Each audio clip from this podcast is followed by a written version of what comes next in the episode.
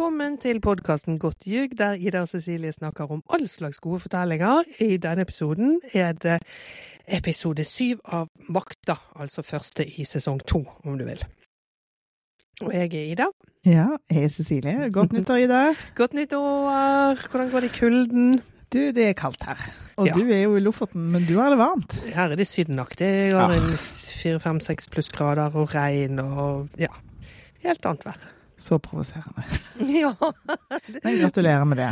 Ja, takk. Ja. Mm -hmm. Det er fint, det, altså. Men det skal sies, det er jo nydelig. Jeg ser jo nydelig, nydelige bilder fra Østlandet eh, i kulden. Ja, ja, men det er sånn Disney-snø her. Sånn eh, Ikke bare sånn tjukt oppå fur, lubne furugreiner, men i tillegg så gnistrer det sånn eh, som i barnebøkene mine da jeg var liten. Så Ja, sånn, og dette knirk, finnes jo ikke i eh, virkeligheten. Og knirk. Mye knirk. Ja. Så hvis jeg var en sånn som var glad i å gå på ski eller være ute sånn generelt, så hadde det vært veldig fint. ja. Jeg går ut for å måke, og så holder jeg meg inne, for jeg Ja. ikke det er noe gøy. Jeg klarer ikke liksom å bli glad. Nei. Nei da, det får være greit. Kanskje det blir liksom gi det noen flere år til eh, på det sentrale østlandsområdet, så blir du en sånn en. Kanskje. Det er jo, mirakler har jo skjedd før, så det er jo bare å, bare å holde ut, tenker jeg. Ja, Ja. det er akkurat det. Hvordan går det med nyttårsforsett og det slike? Eh, Nei, det går som passe. Jeg skulle jo liksom slutte å snuse. Ja. Eh, Helt 100% snusfritt har det ikke vært, men eh, veldig, veldig, veldig redusert. Ja, det er bra. Så, men det var et sted må man jo begynne. Ja ja. Du skal trappe ned og snuse. Ja. Ja. Og du, har du ryddet ditt Jeg rydder, jeg rydder og rydder. Jeg finner ikke det forbanna garnet, men eh, nå fikk eh, nevøen min en detektivkoffert eh, oh. i eh, julepresang. Han er fem, nei, unnskyld, seks. Ja. Eh, og han nekter å gjøre sånne fiktive saker fordi han vil være detektiv på ordentlig. Så jeg tenkte Ja, skulle bare gi det til han. ja Så, det, er jo kjempelurt, for han er mye mindre òg, så han kommer liksom under og bak. ja, ja, det må jo sånn. ligge et sted. Det Ja. må jo være i en eller annen eske. Men eh, jeg tenker at jeg, eh, i løpet av våren så finner jeg det. Enten det, er eller så må jeg det, politianmelde de der flyttefolkene. Fire nøster garn. Ja, Ja. det var jo så dyrt òg at det, Det var verdi å anmelde. Herregud. Ja. ja ja. Sånn er det. Men makta, Cecilie. Endelig, endelig. Jeg våknet i morges, og så var det litt sånn som å være liten og våkne på julaften. ja. For jeg visste at nå ligger det en episode her. Ja, eh, helt samme. Jeg satt i går, jeg klarer ikke å gå og legge meg, fordi jeg er noe sånn romjulsjans i eh, hodet mitt. Så satt jeg sånn i ett-tiden og bare Men nå må jo makta ha kommet! Tenkte jeg skulle døgne for å se makta realtid. Men den slippes da først klokken seks, så det Ja, blir ikke noe av. Ja. Nei, den var klar der når jeg sto opp. Eh, altså, det åh. Jeg har sett den to ganger. Har du? Nei, Nei. bare én. Mm. Mm. Jeg klarer ikke slippe. Jeg, begynte, jeg tenkte at jeg skulle se denne gangen bare én gang, og så gjøre notater på den, men så skjønte jeg etter to minutter at nei, jeg må se dette uten Ja, sånn, ja. ja, ja. liksom. Jeg driver og jeg, jeg gjør en slags variant av det, jeg òg. Jeg Ja. sitter og ser, noterer, og så liksom i fem minutters eh, liksom, etapper, og så går jeg tilbake igjen og ser det i strekk. Fordi at du Ja. må liksom se det i sammenheng, og da ser jeg alltid noe nytt. Ja, det er akkurat det. Masse. Det er det. Ja. Ehm, men det som har slått meg med denne her episoden, er jo altså Uansett hvor mye man har hørt om Alta-aksjonen og Alta-Gauken og utbyggingen og sånn, hvor lite kunnskap jeg har om personene i dette bildet. Definitivt. Og litt sånn masse detaljer òg. Mm. Fordi jeg husker jo, husker jo bilder fra nyhetene. Du var jo litt eldre enn meg, du må huske eh, flere mm. ting. Sånn eh, folk som ble båret bort av politi, husker jeg. Ja. Eh, men ja, som du sier, det er jo dette med liksom at det er noen folk som burde stått i historiebøkene våre, det, det har de ikke gjort. Nei. Ja, det er Så klart det er at. De historiebøkene vi hadde når vi gikk på skolen, var jo skrevet før eh, Eller rundt akkurat i denne fasen her, men det er jo liksom Eller i hvert fall for din del, så, så er det jo godt nok tid mellom mot slutten av din Ja, det vil jeg si. til at de burde jeg si. der. Ja, Eh, ungdomsskolen burde jo dette ha vært liksom Mhm. inne. Og jeg har googlet og jeg har googlet og googlet, og det har vært altså, det er så lav Google-prosent på infoen jeg har klart å finne tak i i dag. Ja. Um, bare få litt sånn konspiratorisk bakhue på jazz. Ja, du er god på sånt. Ja. du går min go to. Som meg og det der garnet. Ja.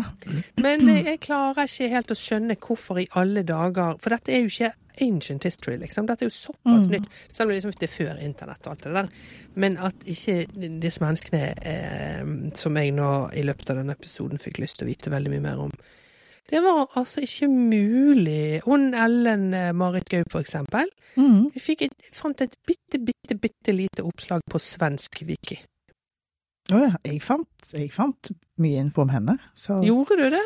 ja, altså mye og mye. Jeg fant liksom den infoen jeg trengte. Så oh, ja. har du innstilt googlingen har på som bare sånn kun svenske treff. ja, Det kan jo hende at jeg For det var jeg altså så skuffet og irritert over. Men kanskje det er bare jeg som har dummet meg ut, da. Mm, Kan ja. også hende. ja, nei, jeg fant, eh, fant jeg lett dette, liksom. Men mm. Mhm. som deg, så det viktige her er jo at vi ikke har hørt om henne før. Det er jo veldig spesielt. Ja, det syns jeg også så kul. Hun er badass. Hun er så badass. Hun bare 'her blir jeg'. Ja. Og, og det er jo så badass òg når, når eh, episoden klikker inn på originalopptak eh, av henne òg. Ja. Som er så veldig, veldig sterkt, syns jeg. Ja, det er det. Eh, det er kjempefint at de, at de blander så friskt her. Mm. Jeg ble veldig nysgjerrig på, på litt sånn arbeidsfordeling i teamet, fordi det, dette er jo ikke standardisert på noen måte i, liksom, i vår nye tid. Eh, for her finnes det jo tre manusforfattere. To av de har skrevet manus til denne episoden. Mm. Så har du en sånn konseptualiserende regissør. Mm. Eh, og så har du jo en episoderegissør som eh, Skal vi se om vi bare finner hennes navn. Merket du deg hennes navn? Nei. Eh, som er Ella Marie Eira.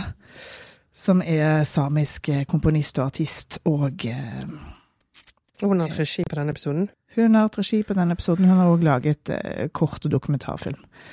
Dette er hennes det var jo første smart. Ja, veldig smart, men jeg blir òg veldig interessert i hvem gjør hva i sånne Mm. mikser. Fordi vi liksom i Norge, som er veldig mer regitungt, forsøker å forholde oss til den amerikanske tradisjonen som er mye mer manustungt. Og så er det jo åpenbart at som den som regisserer, så har du et avtrykk, men her gjøres det så mange kloke ting.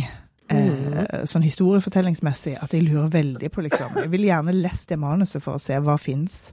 Hva fins der, og hva fins i Mm. liksom, reginotater, og, og hva har regissøren gjort sjøl. Men smart at de har koblet på en, eh, en samisk regissør på episoden, syns jeg, fordi at hele episoden preges jo av en, et ønske om å liksom fortelles fra samenes perspektiv.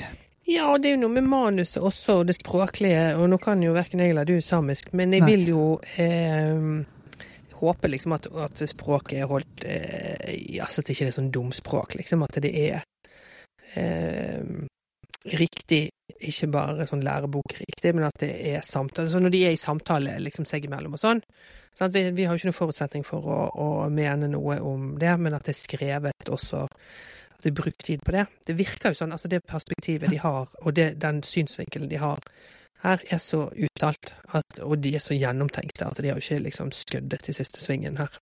Jeg hadde vært veldig underlig hvis de ikke tenkte på det. Og på rollelisten så er det i hvert fall to stykker med etternavn Gaup, og det kan jo være mange som heter det, men jeg vil tro at de her òg har, eh, har kanskje til og med klart å, å bruke noen som, eh, som hadde kobling til eh, Ja, Til altså familien. det er jo eh, Det er det jo.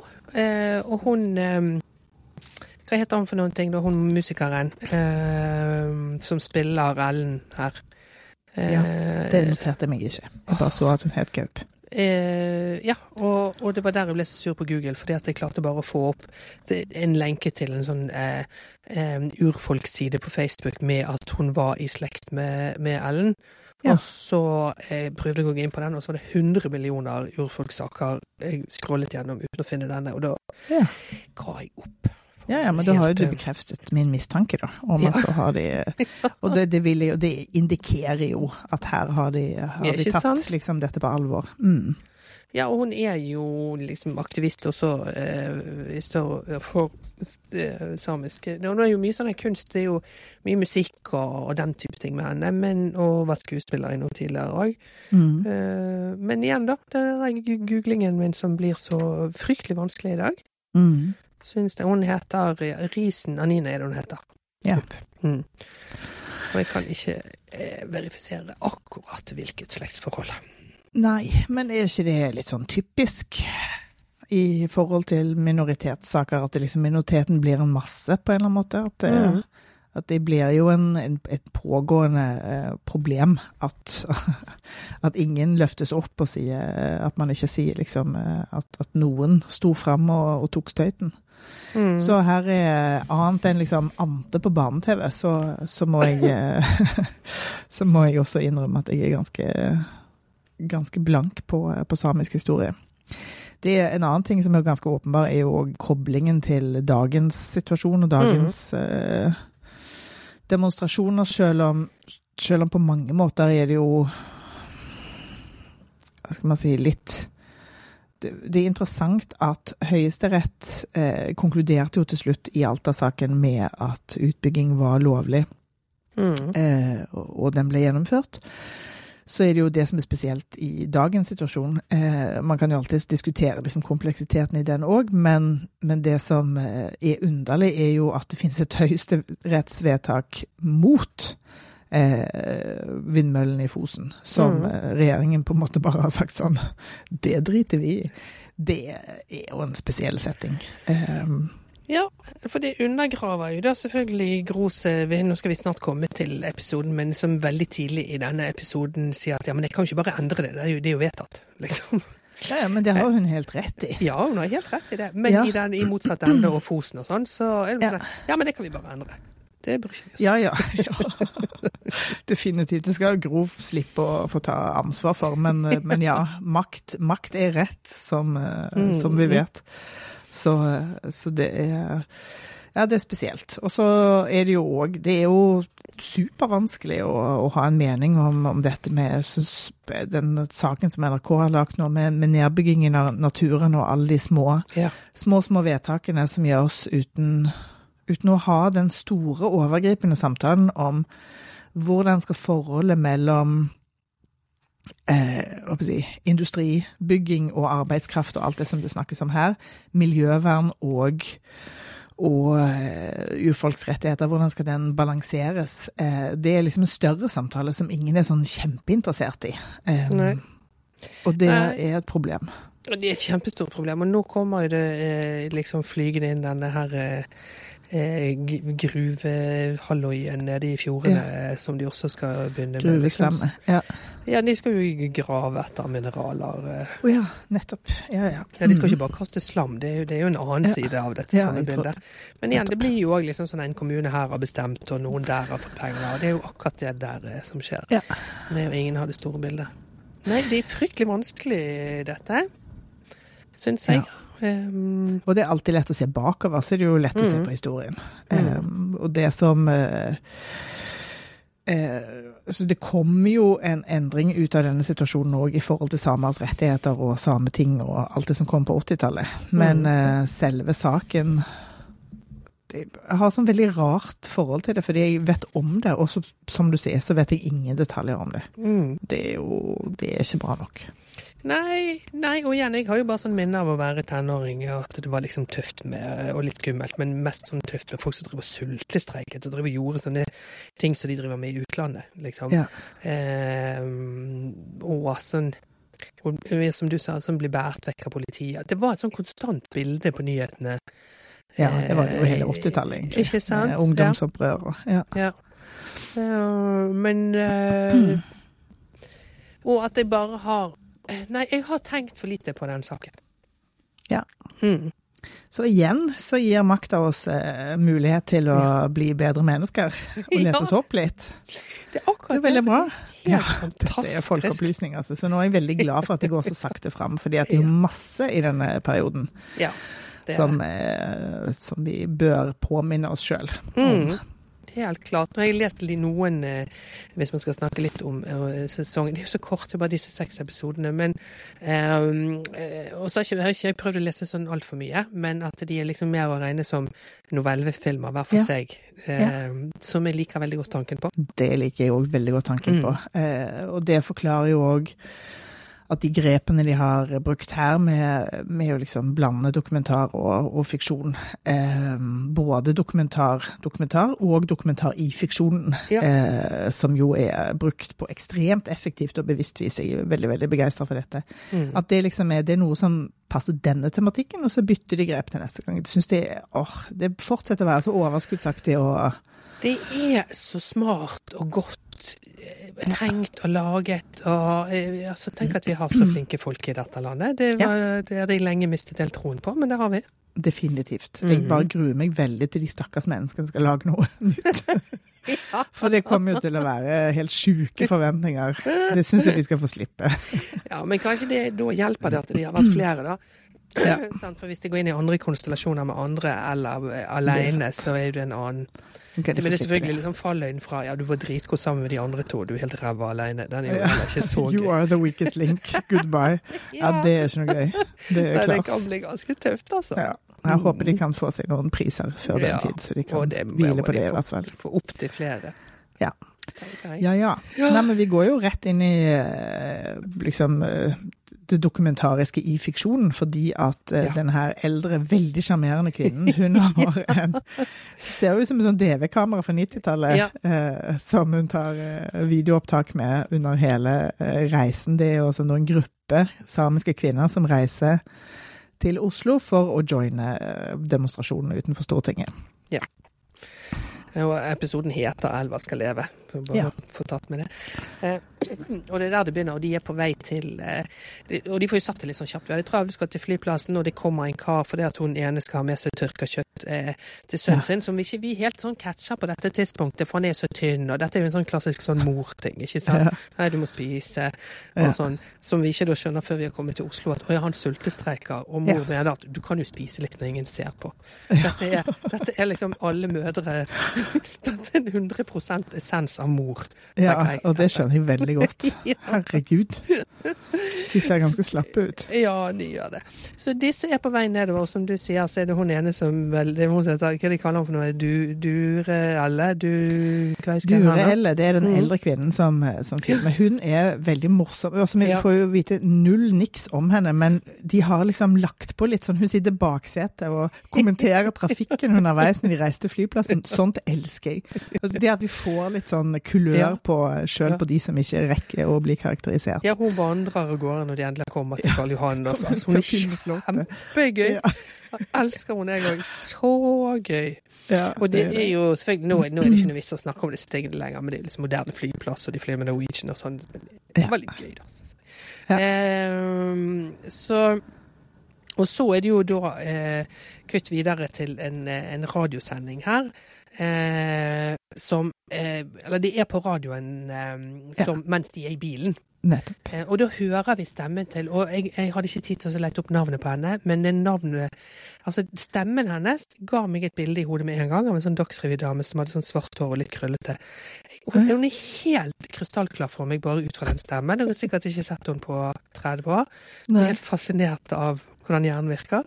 Ja, det, det koblet ikke jeg, men var det, det, det svenske googlet ditt eh, ga deg ikke noe eh, trøff på den Jeg heller? gadd ikke å gu- Da måtte jeg shazamet. Jeg vet ikke om shazam virker på stemmer. Nei. Ja, det er gøy. Ja. Og jeg trodde lenge, for de kjører forbi, og de gjør liksom sånn nummer av en kirke. Det skal vi jo få en forklaring på Mm. helt på slutten der. For jeg begynte å fable om at vi var inne i en annen bil, og at vi var på Bygdøy, og det var Gro som kjørte til jobben og sånn. Det var det ikke. Det er, Ja. Vi er fremdeles i Finnmark. Men den der kirken som liksom blir så poengtert. Nettopp. Så, eh, men det skal vi få helt på slutten. Mm, ja, Mm. og i løpet av episoden, egentlig, for den refereres jo til. Eh, ja, og de driver på radioen der og snakker om eh, avstand mellom eh, lokalbefolkning og sentrale myndigheter og bla, bla, bla. Så vi er jo liksom godt satt inn her eh, fra start med hvor vi skal. Ja, det er jo veldig fint, fordi at den eh, nyhetsreportasjen sier at eh, det liksom, det hevdes at det har Det var like langt å reise fra Kautokeino til Oslo som eh, å gå til København i gamle dager. Ja. Eh, og det, den fortellingen som, som de da handler jo liksom om kolonimakten. Det er Ja. liksom det som, eh, som er perspektivet. Og så er det en TV-nyhet der med som, det som jeg tror er Sørebø, som, som spør Mhm. eh, Nordli og hva er din reaksjon på, på eh, de som sier at utbyggingen i Alta er et overgrep mot det samiske folket. Nei, det syns han er veldig overdrevet. Ja. Og er jo, det er jo klart at vi, det vi, den dagen vi kommer inn i nå, er den dagen Gro faktisk tar over. ja. Så, Og, han, eh, og da er det virkelig Nordli som eh, kommenterer dette. Ja. Så det er jo òg Der begynner vi jo allerede der. Så begynner det jo liksom å blø sammen eh, fiksjonen og, og virkeligheten. veldig, og veldig eh, elegant gjort hele veien.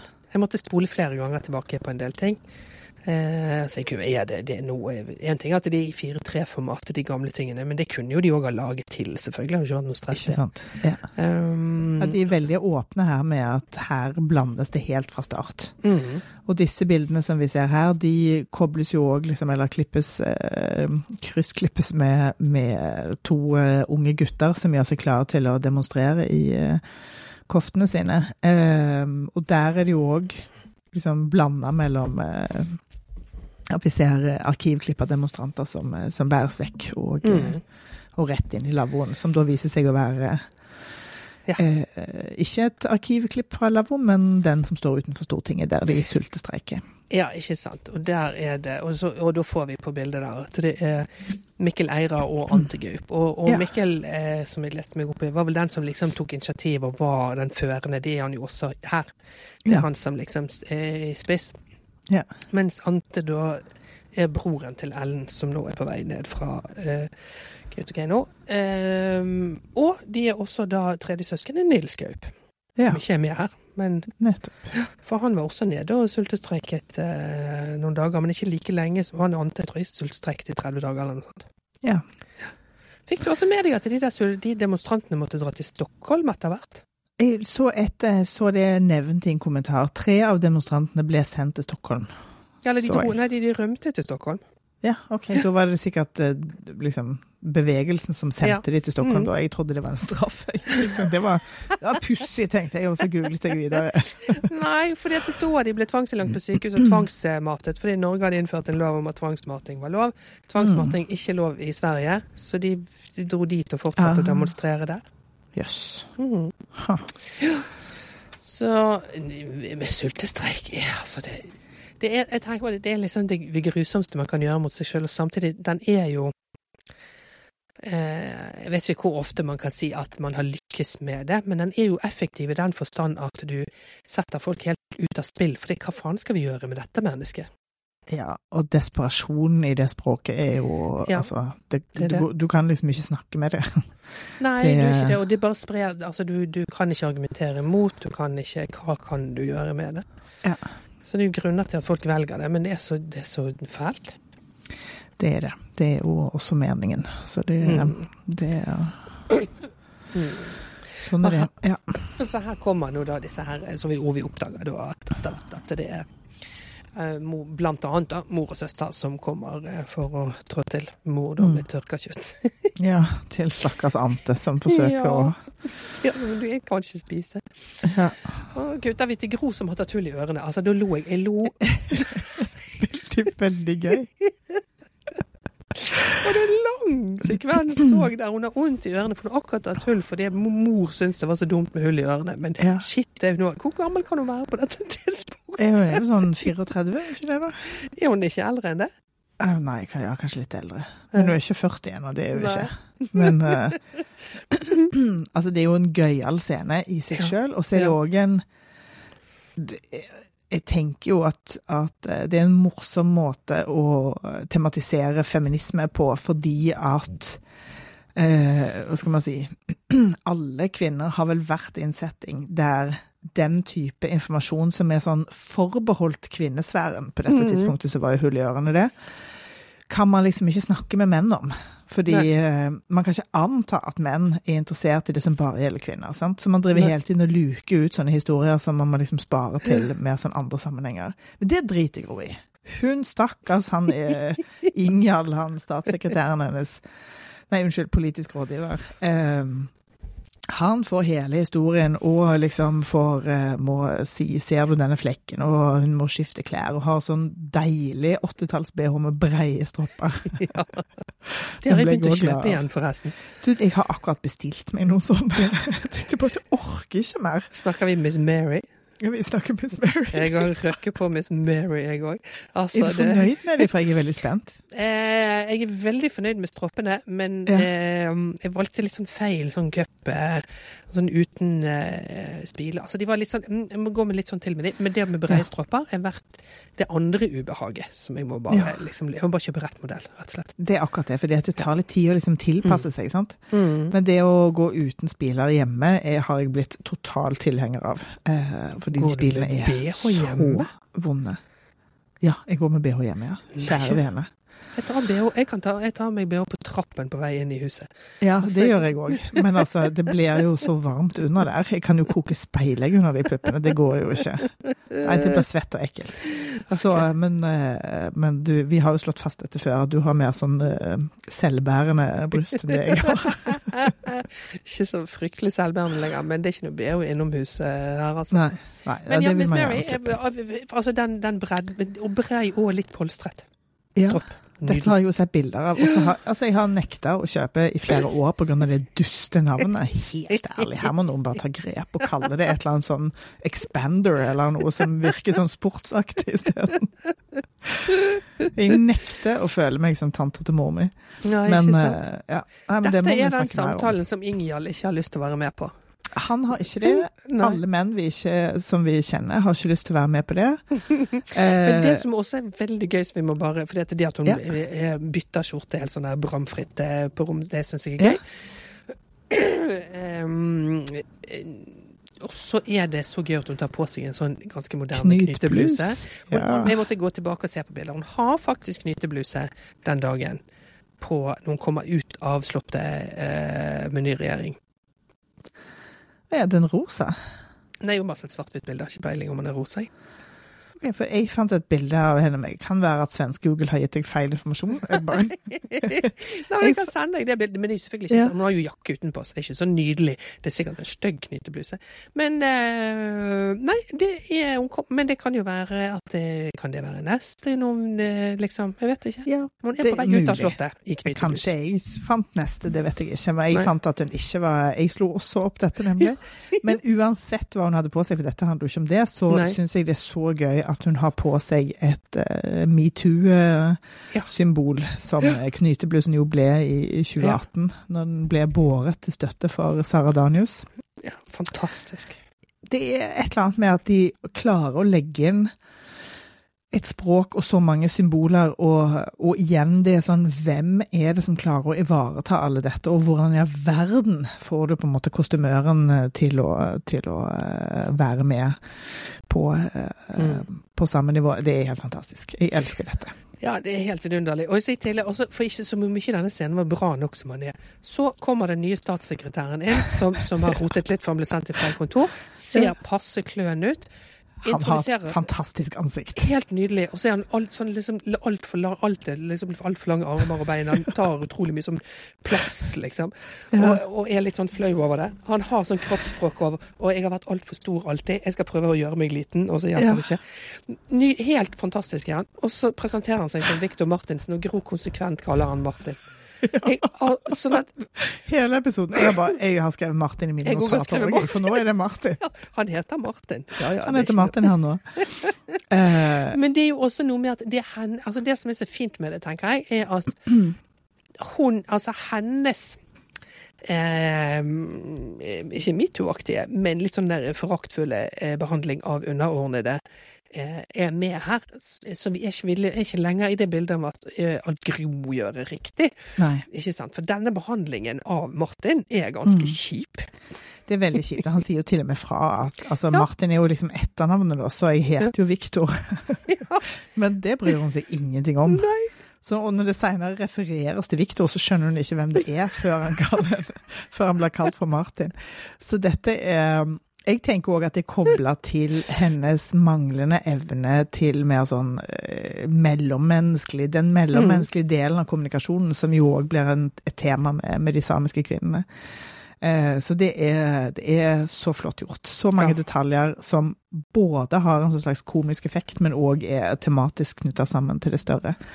Ja, det blir altså Veldig, helt veldig gøy. månebeduktende, rett og slett. Og så kom jeg til å tenke på, husker du, vi hadde en felles sjef på Filminstituttet som insisterte på å kalle deg for et, for et feil navn. Helt til den grensen at du bare aksepterte det, husker du det? Ja, men hva Hva var, var det, det, hva var det navnet? Var for noen ting? Det var noe sånn helt vanlig Nina eller et eller annet sånt. Du bare, ja, nå heter jeg Nina. eller Ja,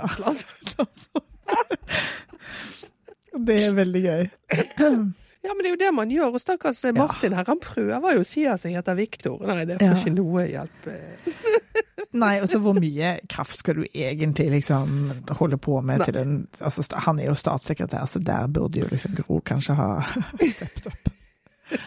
Men jeg måtte google hva er forskjellen på politisk eh, rådgiver og Ja. statssekretær òg, jeg. Eh, Og det er at statssekretærer de blir utnevnt i statsråd, mens eh, politiske rådgivere det kan statsministerens kontor Mm. litt sånn hyre litt sånn her og der.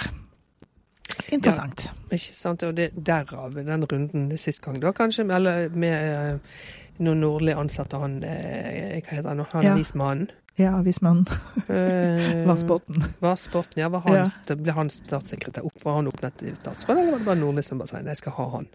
Ja, var han statssekretær, eller var han bare politisk rådgiver? Det jeg ble litt sånn istus. i stuss. I stuss. Ja. Ja, ja, ja. Nei, men dette er veldig gøy. Igjen folkeopplysning alle mulige steder, og rett i Google-maskinen med oss. Ja.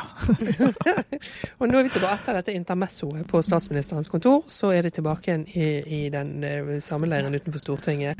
Ja. Um, og, og det er da vi får det første, fordi at eh, når mammaen driver og nøder med at hun kan spise når ingen ser på, det er da først vi ser at han antar på seg en sånt skilt rundt halsen der det står 'sultestreiker på tiende døgnet'. Ja. Eh, og vi har også, det hadde vart så lenge. Ja, de har jo rukket å skifte til statsminister siden vi begynte. Det syns jeg var gøy. Det er veldig gøy. Og da snakker de om Gro, at de har sånt et håp om at hun skal være annerledes. Og det er jo ikke så rart. Det jo, for det første så er det jo lett å tenke seg Eller man går jo i den kvinner er mykere og snillere-modusen. Men så har hun jo vært miljøvernminister, og hun berget eh, ikke egenhendig, men det var jo hun som sto da eh, og fikk fronte Hardangervidda. Så det er jo ikke Ja. rart at man tenker at hun er eh, den man Altså, her finnes det håp. Absolutt. Og hun er jo sånn nye tider, i Ja. kraft av sitt kjønn, og i Ja, kraft av å være ung og alt slags. Så Men det vi vet, som jo har sett de foregående seks episodene, er jo at det var litt sånn åpenbart OK, vi tar, vi tar Hardangervidda, men alt annet skal bygges ut. Ja. Mm. det Um, og her får, vi jo, her får vi jo en annen Gro, som du sier, og det er veldig spennende. At hun Mm. her skildres som mer, eh, mer pragmatisk og, og mer eh, maktorientert. Ja, ja. Eh, viljen til makt gikk liksom gjennom hodet mitt eh, sånn, gjennom hele den episoden. Definitivt. Nå kommer også en annen scene som jeg elsker i all sin flauhet. Altså den, han miljøvernfyren som kommer. Ja, hvem skal det være? Jeg vet ikke hvem det skal være. Jeg tenker at det skal være et sånn å, Han er et sånn oppkok av absolutt alle østlendinger. Ja, ja. Men eh, det kan jo godt være at, at det var noen. Men Ja, eh, ja, ja. han får ikke noe navn. Han er jo bare sånn awkward uh, white person i denne sammenhengen. Han jævlig sånn white person. Og det, altså når han sier sånn «Nei, Jeg var der, vet du. Jeg var, jeg var i Alta, jeg var der i sommer. Jeg på den morsen, og sånn. Det er så fint der oppe, vet du.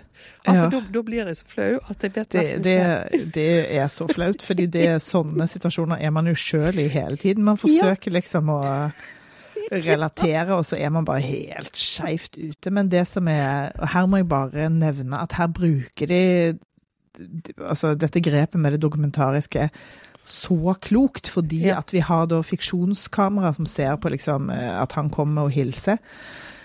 Eh, og så skifter de til, eh, til den her gamle kvinnens DV-kamera, som filmer Mm. litt sånn nedenfra, for hun er jo stutt, og han er kjempehøy. Eh, når han spør liksom Ante var det riktig nå, fordi han har brukt en sånn samisk hilsningsfrase. Mm. Eh, og det er så fint at de liksom bare gjør det helt sømløst, og, eh, og um, nettopp dette med, med Vi får liksom understreke hvor dust han er, hvis vi ikke har skjønt det allerede. det, altså det er helt sånn, som du sier, altså det er jo interessant hvor mye, som er dette, hvor mye ligger i manus, hvor mye er klipp, hvor mye Ja. er eh, Ja. det Men grep som det må jo ligge i manus, tenker jeg. Det kan du liksom ikke Ja da, men, men likevel liksom hvor, hvor fin, altså hvor ned til siste detalj Ja. er det, eller hvor mye Ja. er det pinpointet? Det er de Det vil jeg gjerne klippen, høre en liksom. podkast om. Ja, absolutt.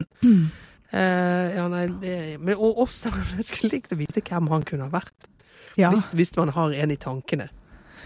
ja, fordi jeg tenkte på han uh, Kurt, vår Ja, men jeg tror jeg, er han for ung? Og det kan jeg òg på det. Og Ja. liksom Fredrik Hauge må i hvert fall være for ung. Ja. For det er liksom de to blonde, ja. to blonde kjempene som man Ja. umiddelbart tenker på. Jeg, tror jeg, jeg, jeg tenker liksom det må være en, ikke en generasjon før, men akkurat litt før, liksom. Men det Ja, mulig han er jo en ung mann, da, men eh, Nå ikke, så kommer ung det er han ikke. podkaster i morgen. Kanskje det er Ja, liksom noen som kan hjelpe hjelpe oss med sikkert dette. er sikkert fasit. For det er jo de Det er østlendinger som skal snakke og sånn, så da kan jo de ta seg av østlendingene. Ja, ikke, nå er jo dialekt er jo ikke noe de er sånn veldig opptatt av å være eh, tro mot her, da. Men, Nei da. eh, men fordelen vår som prøver å være først ute, selv om vi liksom ikke er smartest, at vi, vi bare stiller spørsmålene, og så forventer vi at alle andre kommer med svarene. Mottoet 'først, men ikke smartest'. Det er bare Ja. Yep. Det har jeg levd etter lenge. Å, det var Ja. bra. Men han har jo en viktig funksjon i denne fiksjonen, denne Ja. lyse mannen, med mm. å komme med en blomsterbukett som han gir til Ellen. Mm. Eh, Og hun har nettopp spurt eh, broren sin hvorfor har dere ikke snakket med Gro. Nei, hun går så fort. Ja, de klarte jo sultet i ti dager. De klarer ikke å rekke henne. Nei, de tar ikke igjen henne, det er helt klart. Men hun har andre ambisjoner. Så når Ja. Gro eh, kommer ut av Stortinget og blir intervjua på trappen der, så løper Ellen og en liten gjeng bort og gir henne de blomstene som hun nettopp har fått, og sier eh, gratulerer. Det er jo da dagen Hun er jo på vei til, til kongen for å Mm. bli utnevnt til statsminister. Eh, og da blir Gro liksom bondefanga bondefanger, fordi hun blir omringa av eh, samiske kvinner som sier Med de vil ha på slep, liksom. Med NRK på slep, Mm. nettopp. Så hun lover jo et, eh, et møte og liksom haster til bilen med Ingjald. Og Ingjald påpeker for det Gro sier, men jeg kunne jo ikke si nei fordi at pressen var der. Ja. Um, som er jo litt sånn, litt sånn feiget i, uh, på et eller annet vis. da, Samtidig som han sier ja, men du vet jo at de kommer til å spørre om å be deg stoppe utbyggingen. Ja. Uh, så det er jo bare å utsette smerten, uh, selvfølgelig. Det er det. Ja. For dette, pressen kommer til å få med seg alt dette likevel. Det får de. Så det Og Gro tror at eh, er naivt her, da, at det altså skal til nå at de får følelsen av å bli hørt. Det er det de trenger. Ja. De trenger åpenbart ikke noe på sak. Nei. Det skal heller òg vise seg å ikke helt stemme. Ja, men en vanlig, en vanlig tanke fra folk med makt. At hvis man skal liksom Ja. Å ja, hvis man bare forankrer ting, så holder det. Ja, det, det Det ordet som vi bruker i staten, det er omforent. Som er et ord som jeg eh, har lyst til å brenne på historiens eh, bål. Dette har ikke jeg fått med meg siden jeg har kommet tilbake igjen. Hva er det for noe? Det er, folk, det er bare folk som jobber i staten som bruker det. Omforent bruker det istedenfor enig. Å ja, Eh, omforent. Omforent, ja. Og det betyr har alle Sånn som jeg har fått forklart av folk som er i staten, så er det Da har alle liksom departement, direktorat, gud og hvermann, alle sånne med det å gjøre. Alle er informert, alle er liksom klar over at dette er veien vi skal gå. Så det egen, så det de argumenterer for når jeg sier det betyr bare enig, kan vi si enig? Så jeg, nei, det betyr ikke nødvendigvis at vi er enige. Det betyr Nei. at alle er med på at dette er veien vi går, og så, så må du ikke være enig. Men Ja. det er bare så oh, jeg, altså, jeg blir så matt av det ordet. Ja, ja, det var interessant. Tusen takk for eh, folkeopplysning. Det, det virker jo som at det ikke kan erstattes med enig, så jeg forstår jo at det er behov for å si sånn uh... Ja, og det bare, men det bare begynte plutselig for en sånn fem-seks år siden. Så begynte de å si omforent på Dagsnytt 18 hele tiden. Ja, Og det bare kom helt sånn ut av det blå. Så jeg vet ikke hvor det har oppstått. Jøss. Mm. Interessant. Hm. Men ja, ja da, eh, det er i hvert fall ingen som er omforente her. eh. Nei, det er det ikke. og så snakker de om også at det er veldig gøy, for eh, hun skal prøve å få til et møte med de samme dag. Det er jo veldig effektivt, men på den annen side, de gutta driver jo og sulter. Altså. Eh, det er jo ting som haster. Og, og Ingjald sliter med at hun har det så travelt. Ja, kan vi flytte dit, kan vi flytte datt? Og det skal være en hjemme hos-reportasje, Mm. eh, som er viktig inn mot valget. Fordi at hun har jo overtatt nå etter Nordli, og vi er i februar, og valget Ja. er på høsten. Så det er jo liksom rett i valgkamp her nå, eh, Yes. egentlig. Eh, og Gro stiller da det betimelige spørsmålet er det relevant. Det er det. For det har det blitt. Nå har hjemme hos blitt relevant. Ja. Du kan ikke gå til noen valgkamp uten. Nei, det er av tiden, og selvfølgelig av at hun er kvinne. Ja, og så er det jo også, Men så er det jo også det gøye med at vi har såpass få medier på dette tidspunktet. Vi har litt grann ut, utviding fått, men da er det Se og Hør. Det blir liksom Ja, spennende. det, dette får vi jo Har du fått bekrefta det? For det lurte jeg på, men jeg eh, googla ikke fordi Ja. Nei, det har jeg ikke. Men, men det er såpass eh, spesifikt Ja, det vil jeg nesten tro. Men det kunne jo vært sånn hjemme eller Norske Ukeblad. Sånne steder har jo sånn hjemme hos. ja. Altså, Men, NRK men og og og hadde jo en million lesere, liksom. Så Ja. sånn sett det. Tydelig, tydelig gjennomslagskraft der. Ja. Eh, det, det kan vi jo prøve å huske å google til neste gang. Eller så kan noen fortelle det inn en din mor. Ja, det er så nydelig. Vennligst fortell oss. Det er så vanskelig å google Se og Hør, fordi at eh, det er jo virkelig en av de mediene som har klart å stritte imot digital Ja. så lenge, fordi at papir betyr så fryktelig mye for folk Mm. eh, som leser Se og Hør. Så, eh, så det er ikke de som har det mest sånn raffe mediearkivet å søke i. Nei. Nei, det Eh, Sånn er det. Man kunne giddet å gå innom der og bedt om et eh, Men det, altså, det mm, For det til Gro det, det leste jeg i, i en eller annen bok, gjorde jeg det, at, at hun var egentlig ganske villig til å stille opp på all slags eh, tullball eh, i, i blader og sånn, og tok veldig tidlig til seg at ja, men det må til, så da gjør jeg det. Og det jo, ligger jo i hennes natur, på en måte. Ja, det kan man, det kjøper man. Det der rasjonelle med henne. Sånn, OK, jeg hører hva du sier, jeg, forstår, jeg ser tallene. Ja vel, da gjør vi det. Ja, trenger ikke like det. Hun, hun er omforent med denne strategien, da. ja, eksakt. Ja. Nå Det er det sånn det brukes. Mm. Ja, ok. All right. Men eh, det- ja, en, en Ja. veldig gøy ting som skjer i den bilen, som jeg bare må Mhm. kommentere, Ja. som jeg, eh, det er at hun liksom litt sånn Igjen da veldig kvinnete ting å si til eh, denne statssekretæren sin, eller unnskyld, politiske rådgiveren. Mm. Så sier hun vet du hva, jeg er jeg er ikke sulten, jeg. Eh, for, men jeg har ikke spist siden frokost. Eh, og så ble jeg litt sånn Men skjer ikke de der Kongen i statsråd på formiddagen? Og så måtte jeg slå opp det, og de skjer klokken elleve. Så klokken kvart på elleve så slår Gro fast at hun ikke er sulten, selv om hun ikke har spist siden klokken syv, eller hva det skal være. Og de lurte jeg på om bare var et lite sånn eh, nudge til, fordi hun har jo snakket ganske mye sånn etter periodene sine om at det var så vanskelig å holde vekk der, fordi at det var bare sånn det var liksom mat overalt, og du visste ikke når neste måltid kom, Mm. så du måtte bare, du måtte bare konstant spise. Ja. Jeg syns bare det var litt sånn herlig Jeg syns det er herlig at hun får lov til å være kropp. Punktum. Mm. Eh, Mm. selv om det er liksom ikke det mest sånn eh, vektige behandlingen av eh, verken kvinners kropper eller Gros kropp, så er liksom det der at hun får lov til å gå rundt i 80-talls-BH, snakke om øreflipper og flekker på bluse og sult på morgenkvisten. Ja. Altså, åh. Ti, ti poeng til alle i, den, eh, Ja, det i er det laget. Ja, det er veldig fint, altså. Jeg Ja. syns òg det er nydelig. Og det er klart at hun må jo vite Hun har jo ikke vært så mye hos kongen i statsråd, men hun har jo vært minister. Jeg vil jo tro det er wienerbrød å få det. Ja, helt sikkert. Så du skal nok. Men nå er hun jo ikke sulten. Det er jo det som er liksom unntaket her. Hun er jo full av adrenalin, stakkar, etter Dette er jo liksom en viktig, en viktig dag for Gro. Ja, Det det, er si. klart det. Det er absolutt. Og så får vi ny vignett, for de har laget ja. den nye vignetta. Det Med syns masse jeg Gro var fokus. Ja, masse Gro fokus, og det er jo masse folk som er ute, selvfølgelig, av den. Ja. Eh, eh, og vi har for eksempel i denne episoden Jeg vet ikke om det fortsetter, eh, eller om de bytter da hver gang her, for dette har jo også det samiske fokuset. Og Ja. hun eh, Risen Anine Gaup eh, er jo liksom nummer to navn etter eh, Mhm. Katrine Thorsborg Johansen der. Så, eh, mens, fordi, din- siden disse episodene er liksom novellefilmete, Ja. så kan jo vi tenke at det er den episoden, så er dette nå ferdig. Det tenker jeg Eh, Så da må jo de lage en ny, eventuelt bare bytte navnet, da. Men det er jo også samiske Det er jo sånne aktivistbilder i hele denne Ja, det er akkurat det. vignetten, da. Ja, Game of Thrones gjorde jo det, at de hadde ny, Ja. mm. ny vignett med jevne mellomrom, som ble på en måte en del av analysen på de podkastene Ja. som jeg hørte på, i hvert fall. Så Mm. eh, det håper jeg virkelig at vi har kommet dit nå. Ja. Det er, nå er vi oppe på benchmarket med Game of Thrones, og dette er så kult for norsk drama. Ja, Hurra! det er det.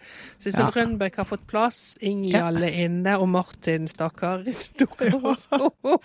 Altså, hans ansikt han ser konstant månebedotten ut, Ja, og det funker så godt Ja. i den episoden. Det er helt vidunderlig. Elsker Martin. Stakkars Martin. Arne Olav har fått være med, og Ja. Og han er så kjekk, Arne Olav. superkjekk! Ja, at jeg var nødt til å google hvordan så Arne Olav Brundtland ut i 1981. Og vet du hva? Han han var superkjekk. Det som er På etter akkurat denne måten. Ja, nettopp. For det er det som jo er så fint her. Det skal vi, nå skal vi jo møte de to en god del sammen, eh, Mhm. både i, i portrettintervju og også mm. bare alene hjemme, de to. Ja. Gro er så forelsket, ja. Det er sånn De de, er- velger ja. Og, eh, Han er forelsket også i henne, men hun er superforelsket i Og det er så fint. Ja. Ja. Og det er Eh. så fint at de liksom eh, At de unner seg. Ja. At vi får lov til å ta del i den fantasien. ja. Så eh, ja, det, det er veldig, veldig bra. Eh, Det gir, en, det gir liksom en dybde og rikhet til, mm. til det Mm. portrettet, syns jeg, som, som de bare kunne hoppet bukk over. Men igjen, de er så overskuddsaktige at de bare dytter inn små ting overalt. Det er kjempefint. Ja. Oh. Så fra vignetten her så går vi eh, over til pressekonferansen som er jo liksom Reulstens Steens siste stykke. Ja. Det, jeg, vil, jeg vil karakterisere det som en, en veldig pinlig medarbeidersamtale. For det er jo på en måte det som skjer. Ja, men det er jo ja, fra hennes side, tenker Ja, du. fra hennes men fra hans side så er jo det litt sånn der eh, Det er absolutt siste stikk Ja, ja. eh, med å sammenligne henne med Thatcher, er Ja. jo. Ja, det, Og stikket der det gjør vondt, eh, liksom. ja. Så de, de, de gir de, de gives as good, good as they get, er ikke det det man sier?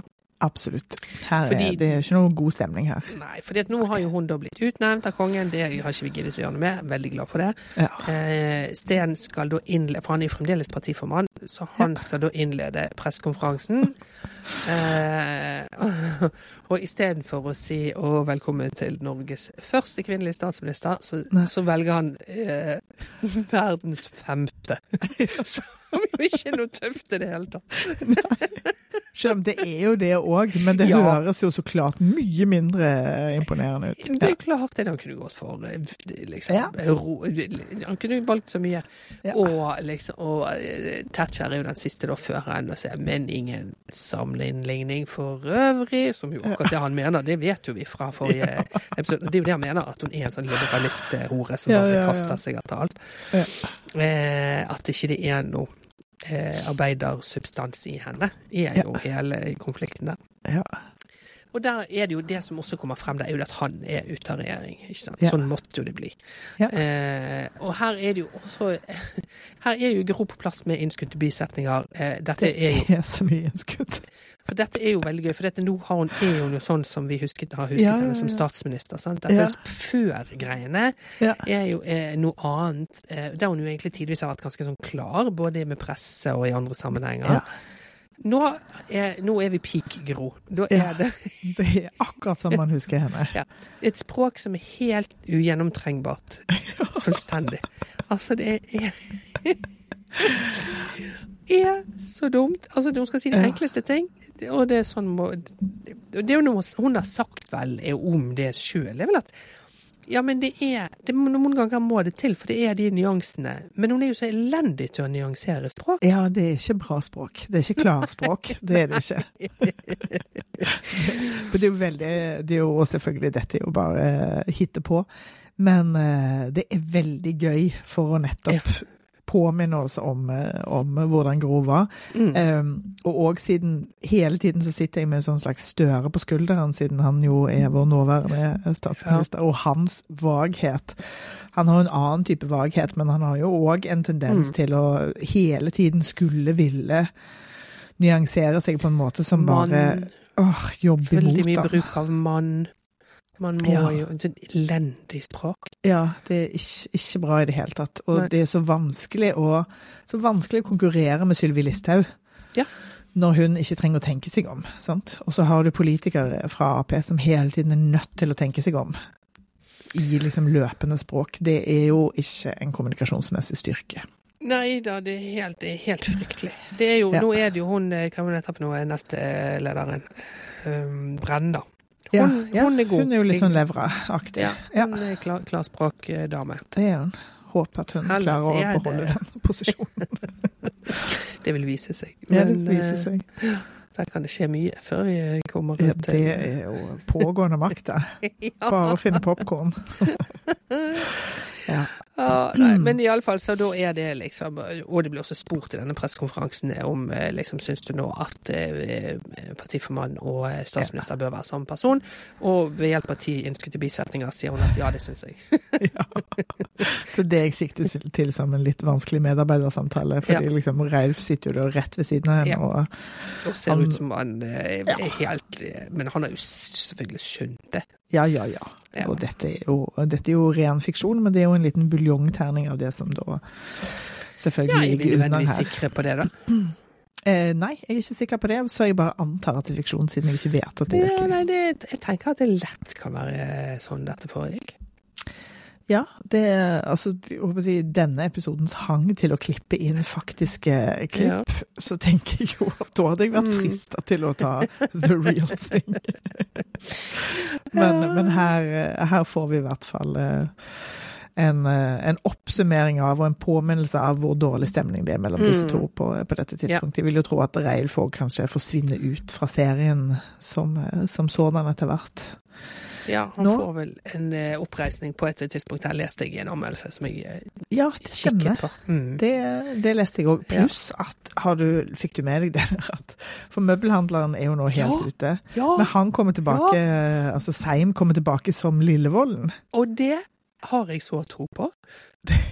Altså, jeg har tro på Trond Espen Seim til absolutt alt. det Altså, jeg vil Han, han eh, er jo et, Altså, et unikum. Lille, Lillevolden var jo jeg såpass begeistret for eh, eh, at eh, når jeg og Laila bodde sammen eh, på Ja, dette er jo aldri det er jo så sent som på 90-tallet. Da hadde vi et bilde av Lillevolden som vi hadde klippet ut av en avis, og som vi hadde på eh, oppå TV-en vår. Ja, jøss. Men det var fordi vi syntes han var så kjekk. Vi var jo så svake for langt hår den gangen. Altså.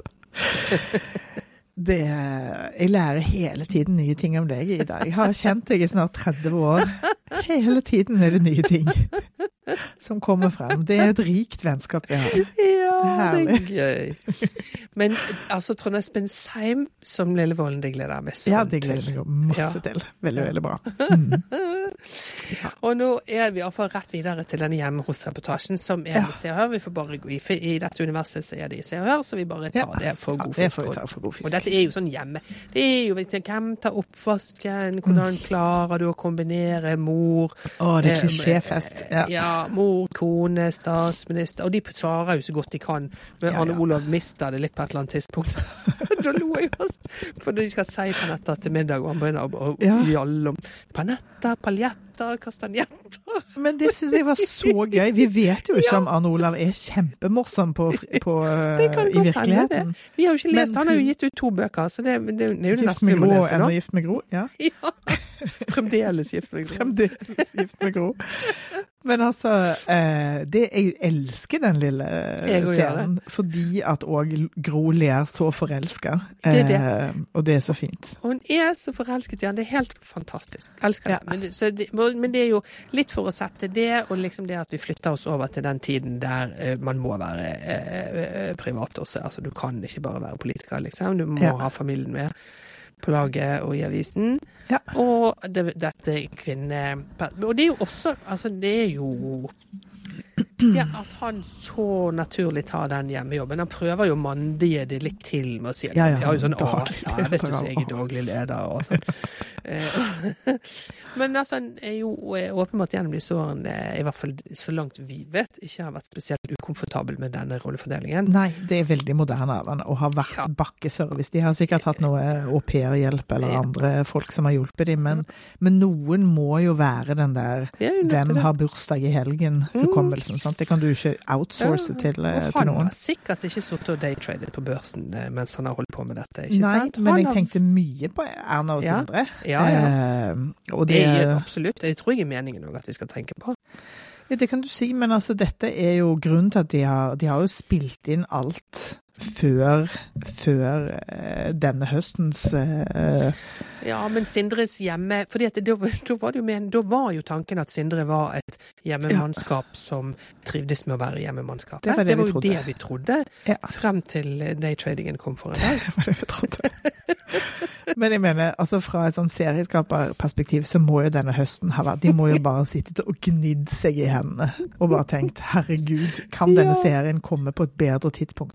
Men for å være litt, litt uh, alvorlig, så er det jo òg Det fins en scene der, der eh, de sitter og ser på Dagsrevyen, og så kommer, så kommer demonstrasjonene på, og så blir Gro Mm. veldig alvorlig, og så velger da Arne Olav eh, å si sånn uff a meg, det er betente greier. Så tar han Ja. to kaffekopper, og så går han ut på Ja. kjøkkenet, da, liksom. Ja. Eh, og den scenen òg var en eh, sånn veldig fin påminnelse om skal vi si, alle disse habilitetssakene, òg. fordi at det som har vært Mm. nøkkelen i særlig disse to med kvinner, kvinner der menn har liksom gått bananas, altså Anniken Huitfeldt og Erna Solberg, Mm. der har jo hele tiden kjernen vært har du sagt noe hjemme? Ja. Eh, og det er jo aldri et spørsmål når det er liksom Hva skal man si Eller aldri og aldri, men det er jo det er ikke ubetydelig at de er kvinner, fordi at det tas for gitt at menn, er liksom, at menn har en egen eh, interesse. For eksempel kona til Borten Moe, hun gikk jo helt bananas, hun òg, eh, på sitt vis. Hun, eh, og det er liksom en kvinne som jobber i NHO. Når hun brukte denne hashtaggen 'fuck Økokrim' eh, på Facebook. Når, eh, når Økokrim sa at de ikke ville politi... Eh, eller unnskyld, at de ikke ville eh, Etterforske. etterforske Erna og Sindre, så er det på en måte Det er jo superpinlig, rent bortsett fra at man tenker hm, hvem på den hytteturen kan ha sendt det? Hvilken familie har null eh, liksom, impulskontroll her? Hm, undres. Men, eh, men det er bare pinlig. Det påvirker liksom ikke narrativet om Borten Moe på noen måte, fordi at det er, det er jo han som er mann. Det er jo han som har handla. Det er liksom det er litt sånn enkelt og greit, mens for disse to kvinnene så handler det jo liksom om hva er det hva er det du har sagt på hjemmefronten som, mm. som de kan ha utnytta? Men det er jo også eh, altså fordi at kvinner tradisjonelt ikke har drevet i daytrading i verden, Ja, ja. ikke sant? så er jo Ja. dette helt sånn nytt å tenke at eh, eh, Det kommer nok til å komme, det òg, tenker jeg. Hva? At ja, sånn, ja, det er menn som har fortalt ting hjemme. Ja. Ja ja. For nå eh, tenker man jo, eller liksom, For den intensjonen er jo at, at selv om menn forteller noe hjemme, så forsvinner de i et sånt tomt hull av eh, burs, bursdager neste uke, og Ja. hvem har vasket ullvasken ja, ja, ullvasken og for sånn. hva holder vel hun på med? Og på mange måter så tenker jeg òg at det kan være til fordel for Huitfeldt og Solberg. Fordi at det er på en måte en eller annen sånn slags iboende forestilling om at det er jo klart at menn har et eget liv. Det er jo klart at de har økonomiske interesser. Det er jo klart at de er der ute. Så det er på en måte det faller tilbake igjen på disse kvinnene. Da kan vi stole på at de ikke går og slarver med eh, inns innsideinformasjon. Mm. Eh, mens det på den andre veien, som du sier, så, så ser man bare for seg at det bare det bare damper inn i en eller annen form for eh, hus, huslig eh, syssel, selv om så klart ja. de, disse kvinnene òg har jobb og, og aksjer og interesser. Um, så det, det er bare så fascinerende hvordan Mm. liksom forestillinger om kjønn, selv om det ikke er, det er ikke sort-hvitt og det er ikke enkelt, eller, og dette handler ikke bare om kjønn, men det er interessant at kjønn er så innvevd i måten vi tenker på verden, at, at det Mm. har liksom det har betydning for nesten alt. Ja ja, det har det. Ja. Nei, men eh, tilbake til Arne Olav, da, så stoler Ja. vi på at han For dette er jo før man drev og daytradet, og det var kjempevanskelig å drive med aksjer. og sånn. Du måtte jo ringe til en megler og rekke han før kontortid og sånn. Ja, denne fortellingen slår i hvert fall fast at han er Han holder seg utenfor. Ja, Han er hel ved. Ja, rett og slett. Det får vi håpe. Jeg orker ikke forholde meg til noe annet. Nei, det orker faktisk ikke jeg heller. Eh, og her kommer eh, Gro eh, Så det er morgen igjen neste dag, og hun kommer på kontoret selvfølgelig tidlig, og Bright og de holder på å ha klargjort og ryddet ut Nordli og sånn.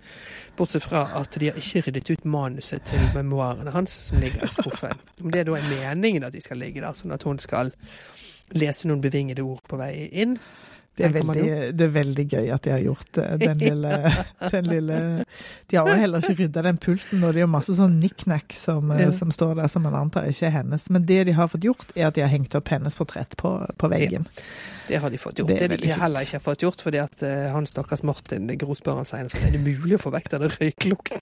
Ja, Og han sier nei, nei, det, det toget har gått. ja. Det er for mye. Det er for mange. For det er jo sånne sementvegger òg, som jeg bare forestiller meg bare har sugd dette opp. Eh, Ja, og de, kan man vaske de da? De må kanskje spyles, da? Vet jeg ikke. Et eller annet må man liksom Ja. behandle de med for å få vekk den lukten, tror jeg. Ja, for stort sett sånn i gamle dager når man enten kjøpte eller hadde røykt inn sin egen leilighet. Det eneste du kunne gjøre, var jo å male på nytt. Ja, da må du male. Skure Men det er jo vanskelig å male disse veggene. Ja, det er det. Ja.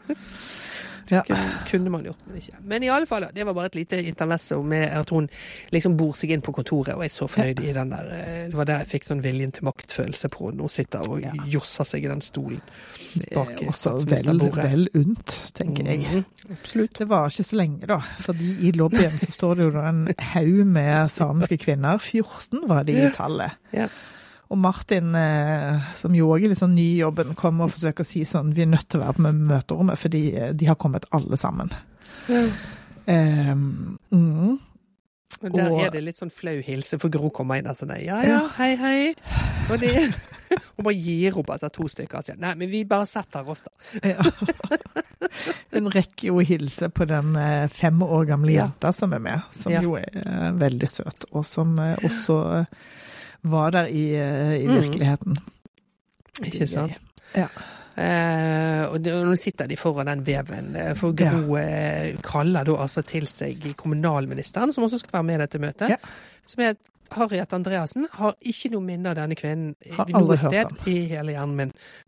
Fins hun ikke? Nei. Det tror jeg hun aldri har funtes. Jeg vet ikke.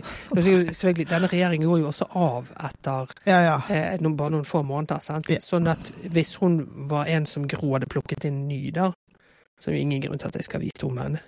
Nei, det går jo fire år til Gro får en sjanse til, og da rekker man jo å gjøre andre ting. Så, eh, så kanskje hun forsvant til, til en annen del av samfunnet. I hvert fall ikke noe Samfunnet. minne. Ja. Og de sitter og sier sånn blab, De sitter da sammen, de to, liksom på enden av langbordet der, mot den Ja. nydelige veven. Eller de har Ja. den i ryggen.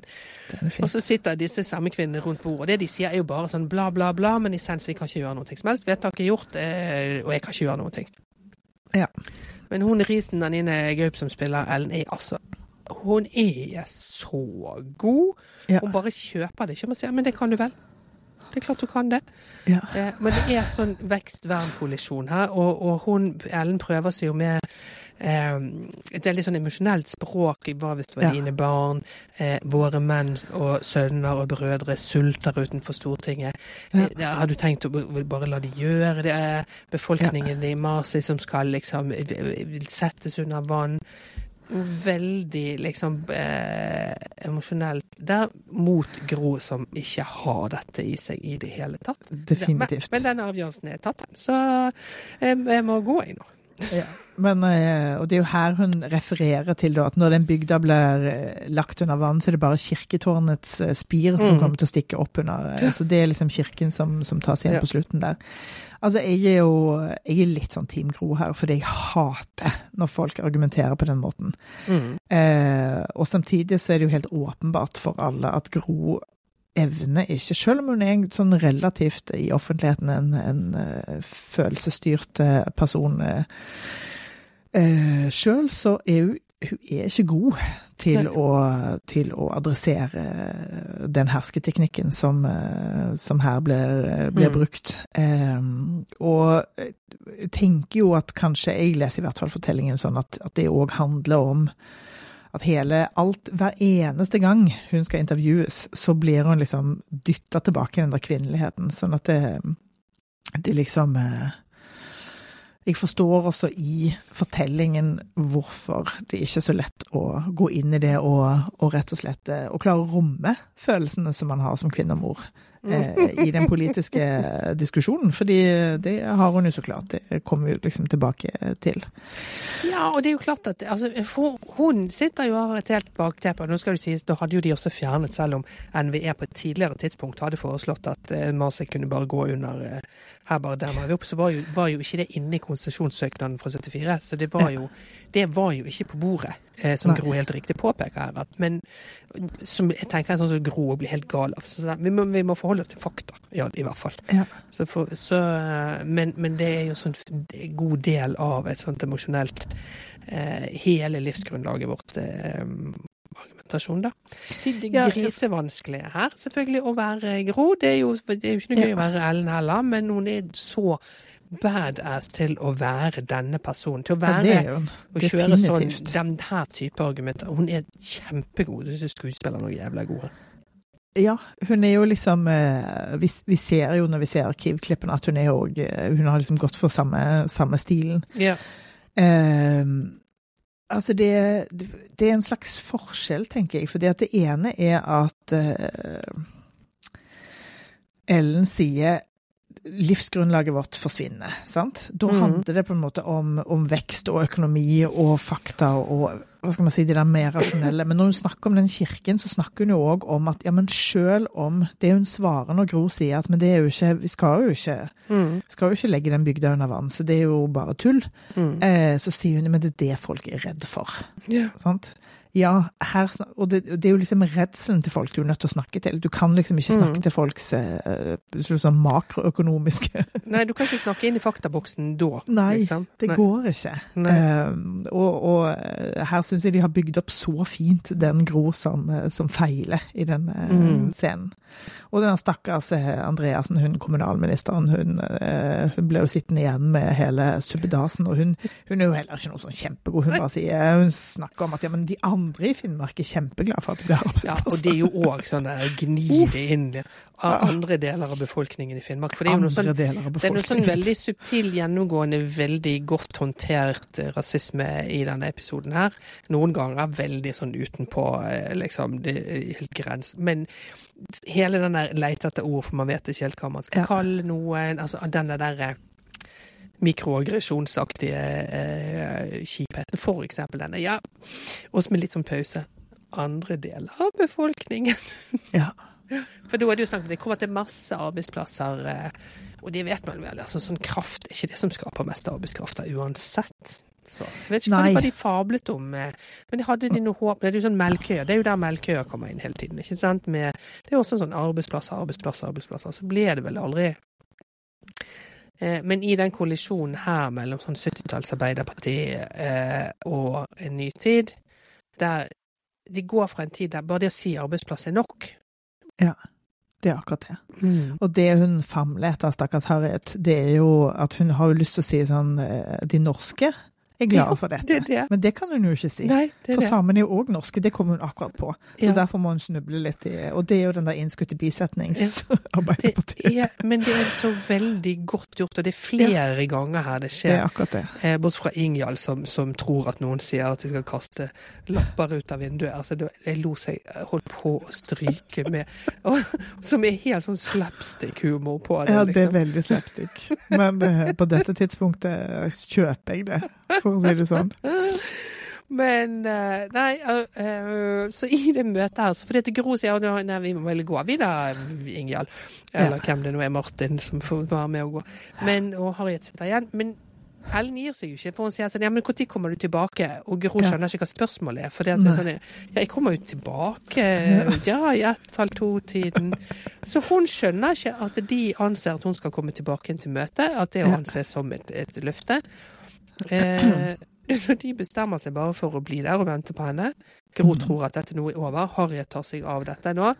Eh, og så er det slutt. For jeg har jo sagt til de at jeg kan ikke gjøre noe med det. Ja.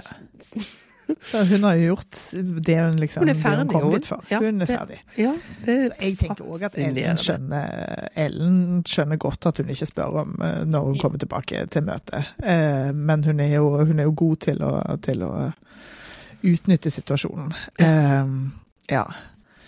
Og da kommer plutselig NRK eh, styrtende inn, når de sitter der og, og venter etter Ellens insistering. Eh, verst ord, jeg antar at det er Olav. Ja, det må det være. Som Det jeg må måtte google her, altså. Så, eh, fordi at alle disse andre eh, journalistene som har vært eh, både på TV og disse bøkene, alle er jo døde, og de er døde alt folk, så måtte jeg google Ja. Olav Versto, som jo døde i en båtulykke, stakkar. Neimen, Ja, de andre har jeg sett for meg har vært sånn lungekreft eh, på rundbaut, eh, men han falt ut av egen båt. Nei, men uff da. Ja. ja. Så det Det, var ja. Det var dumt. Ja. Men her får han eh, Her eh, har han en viktig rolle. Ja, Ja. veldig. Og, eh, og intervjuer da Ellen som, eh, som sjefsdemonstrant, og her klippes det til eh, disse faktiske klippene. eh, der hun sier 'fordi hun er kvinne og mor'. Ja. Og så sier hun òg liksom og la det, vi håper at hun vil la elva leve, og la vår kultur leve. Og det er supersterkt. Det er veldig sterkt. ikke sant? Det virker jo som bare faen man kan mislykke argumentasjonen, men det er jo det stedet du går når du står med ryggen mot veggen, selvfølgelig, og ingen makt. Ser du, det må jo, hva annet skal du gjøre, liksom? Ja, ja. Og hun altså det som er sterkt med det, er jo òg at hun leverer det jo som, Ja. som eh, med fullstendig overbevisning. Eh, Ja. Og en litt sånn stakkato framleggelse som eh, også mm. skuespilleren har brukt, men som jo på en måte blir veldig mye sterkere når vi ser det i, i, med den virkelige Det er var helt fantastisk, altså. Ja. Her skal de bli sittende til de blir hørt, eh, sier det. Og Martin i bakgrunnen der og er så fortvilet. Vi må jo huske at det også er hans andre dag på jobb. Ja. Og litt, altså Han får jo denne saken, eh, og han, eh, han, han gjør det jo ikke dårlig, men han gjør det jo heller ikke bra. men Mens jeg eh, de, altså, ansiktet hans bør få en Amanda. Ja, det håper jeg. Det er helt vidunderlig. Og jeg kjenner litt på den følelsen av at en oppgave du fikk som du tenkte ja, men dette har jeg under kontroll, og så går det fullstendig ut av kontroll. Og hva Ja. skal jeg gjøre nå? Hva skal man gjøre? For man kan jo pressen er der hele tiden. Man kan jo ikke bare pusse politiet Nei. på folk. Og det er liksom kvinner og barn er jo på en eller annen måte Nå har det vært veldig mye diskusjon omkring dette i forhold til Ukraina, og Ja. er det nå helt rimelig at vi ennå driver og snakker om kvinner og barn? Kvinner kan jo være så mangt fram og tilbake, men kom ikke vekk fra at kvinner og barn og eldre kvinner og barn er liksom innbegrepet av sivilsamfunnet. sant? Så du, Ja. du liksom puster du politiet på, på passive demonstranter. altså. Det er så jævla brutalt. Ja, og gamle damer og små. Det er klart at det er Ja. det, Ja, absolutt det. Så Det det er- delikat. En delikat dag delikat. på jobb for Martin. de- Ja, så det har jo de bestemt seg for. at De kan ikke liksom bruke politiet i denne situasjonen her. De har jo ikke snakket om dette så tidlig. Ingjald er jo for grå i Stortinget, så Ingjald drar og informerer henne om at Ja. de har et lite issue på statsministerens kontor. Det er ikke noe stress, det er bare et lite issue. Ja. Jeg liker Ingjald så godt. ja, han er veldig gøy, ja. Mm. ja. Og hun forklarer ikke det å fatte dette med at de har tolket dette som at eh, Men det er jo veldig gøy, for det er jo begge siders bokstavelighet som nå fanger eh, Ja. Gro her. ja. Hun tar på den kampen. Ja. Så jeg vet ikke om det var sånn de formulerte det i, i virkeligheten, men det er så viktig eh, Ja. for å si noe veldig eh, bra om Gro, som Ellen bruker mot henne. Det er akkurat det. Det er veldig gøy at hun klarer å vikle seg inn i det, og at hun er liksom en medvirkende faktor med all sin grohet. Ja, det er akkurat det. Eh, Så ja, ja. ja, jeg sa jo klokken ett, men Ja. Dette er òg en sånn personlig akilleshæl som jeg har, som jeg, jeg har så mye sympati med henne. Det der at jeg er så dårlig til å svare på det det egentlig blir spurt om. Så jeg svarer for kjapt. Og så liksom Så jeg vikler meg inn i sånt hele tiden. Så her har jeg så mye empati.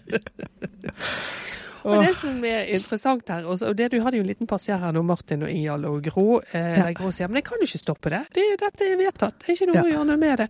Og Martin sier nei, det eneste du potensielt kunne gjort, var jo kabinettspørsmål. Ja, det er jo et, det er ganske rart råd, Martin. Nei, men, det, men, men jeg har sympati med Martin, for jeg tenker at Martin er bare en sånn der La oss spille litt ball. Eh, I Ja. situasjonen, eh, liksom. Så det, er jo en mulighet. Det, jeg sier ikke at du skal gjøre det. Men Nei. hvis vi skal se på alle mulighetene som finnes i dette bildet, så er det også en mulighet.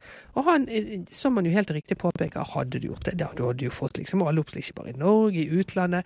Det er jo liksom å spille opp den miljøvernrollen som du har liksom eh, en posisjon på allerede. Eh, men igjen så er han jo veldig tydelig på at det er ikke det jeg sier du skal gjøre. Men la oss bare se fra, på det fra alle sider, da. Men så Gro sier, hvis jeg skal, hvis jeg skal stille kabinettspørsmål Ja. på alle uenigheter, så har du ikke gjort annet enn å gå. Nei. Jeg synes det var vittig. Ja, Men, det, det er liksom hver gang noen er misfornøyd med vår politikk, Ja. det er jo helt korrekt. Men jeg bare liker at Martin eh, eh, har et litt sånn åpent hode. Ja, det har han. Ja. Og passe på så ingenting renner ut. ja, det er sant. Det er fint det med brainstorm i den situasjonen, altså. Men det er jo hva skal man si, sånn i verdens mest styringskåte parti, så, Ja, så er det jo ikke realistisk at man skal på en måte Nei, er du gal? Og det er, jo, det er jo det at det er hennes parti som har vedtatt dette, og Ja, ja. har villet dette og sånn. Hun, hun vil jo ha dette. Hun er Ja. jo ikke imot. Hun er ikke imot. Det er jo det, men det tør hun, det kan hun ikke si, for det er kvinner og barn i rommet. Altså det er, eller det er partiet, det er så vanskelig mellom vekst og vern, og det at partiet jo hadde som slagord vekst og vern. Ja, ja. ja. Selvfølgelig. Hvorfor ikke? Så det gjør jo at disse to sidene jo liksom skal eh, være likebehandlet. Det er det jo ikke. Men jeg tror ikke Gro virker ikke på meg som dette er noe hun har noe problem med. Hun fikk Hardangervidda ferdig. Denne, dette, dette er kjøpslått done. Ja. Hun har jo ikke den indre konflikten som vekst og vern innebærer for de som Nei. sitter og okkuperer møterommet hennes. Det er helt åpenbart. Ikke i det hele tatt. Nei. Nei, eh, for det er jo også Martin som må prøve å forklare at, og, og bare si at sånn er det bare. Det er ikke tilfredsstillende i den. Du må si noe annet. Det er akkurat det. Ja. Det har han jo helt 100 rett i. Men så kommer de på en kjempegod idé, for de, har de ikke en same på jobb? Jo, de har jo en Ja, han Regnor. Stakkars, stakkars mann. Snakk om å ha dårlig dag på jobben. Regnor Solbakk. har en dårlig dag på jobben. Regnor Solbakk fikk en dårlig dag på jobben her, helt ut, Ja. helt uforskyldt. Men det, altså, så at Ingjald sier Fordi at Ingjald også går i en sånn der rasistisk eh, fin så, eh, Akkurat på samme måte som Harriet. Eh, først måtte jeg jo google 100 ganger Samedirektoratet. Jeg finner ikke noe Samedirektorat. Ja. Eh, men iallfall det Ingjald sier. Han, han fra Samedirektoratet, han er jo en sånn en, um, En sånn en. en ja. Som også er veldig fint. Og så kommer vel Martin inn og redder situasjonen og sier 'Regnor', sånn at Ja. de, han slipper å fullføre den setningen. Jeg er litt så usikker på hva som var så politisk ukorrekt, for dette er jo ikke rasistisk å si same. Nei, men jeg tipper at det er en sånn der, eh, i- i en sånn mellomfase. Men du vet, noen ganger så blir man sånn Hva er det som er lov å si nå? Eh, og så vet Ja. man ikke helt, sant? Men same har vel aldri vært. Du, mente du at han liksom eh, grunnet på noe eh, mer ukorrekt? Altså åpenbart seinere her, så er jo lapp et ord som ligger han eh, helt i frontallappen. Ja, Så det kan jo hende at Ja, eh, kanskje var er der han var på vei, da. Vet Ja. ikke. Ja. Eh, men i alle fall stakkars Regnor, hva- googlet du Samedirektoratet? Nei, gjorde ikke det.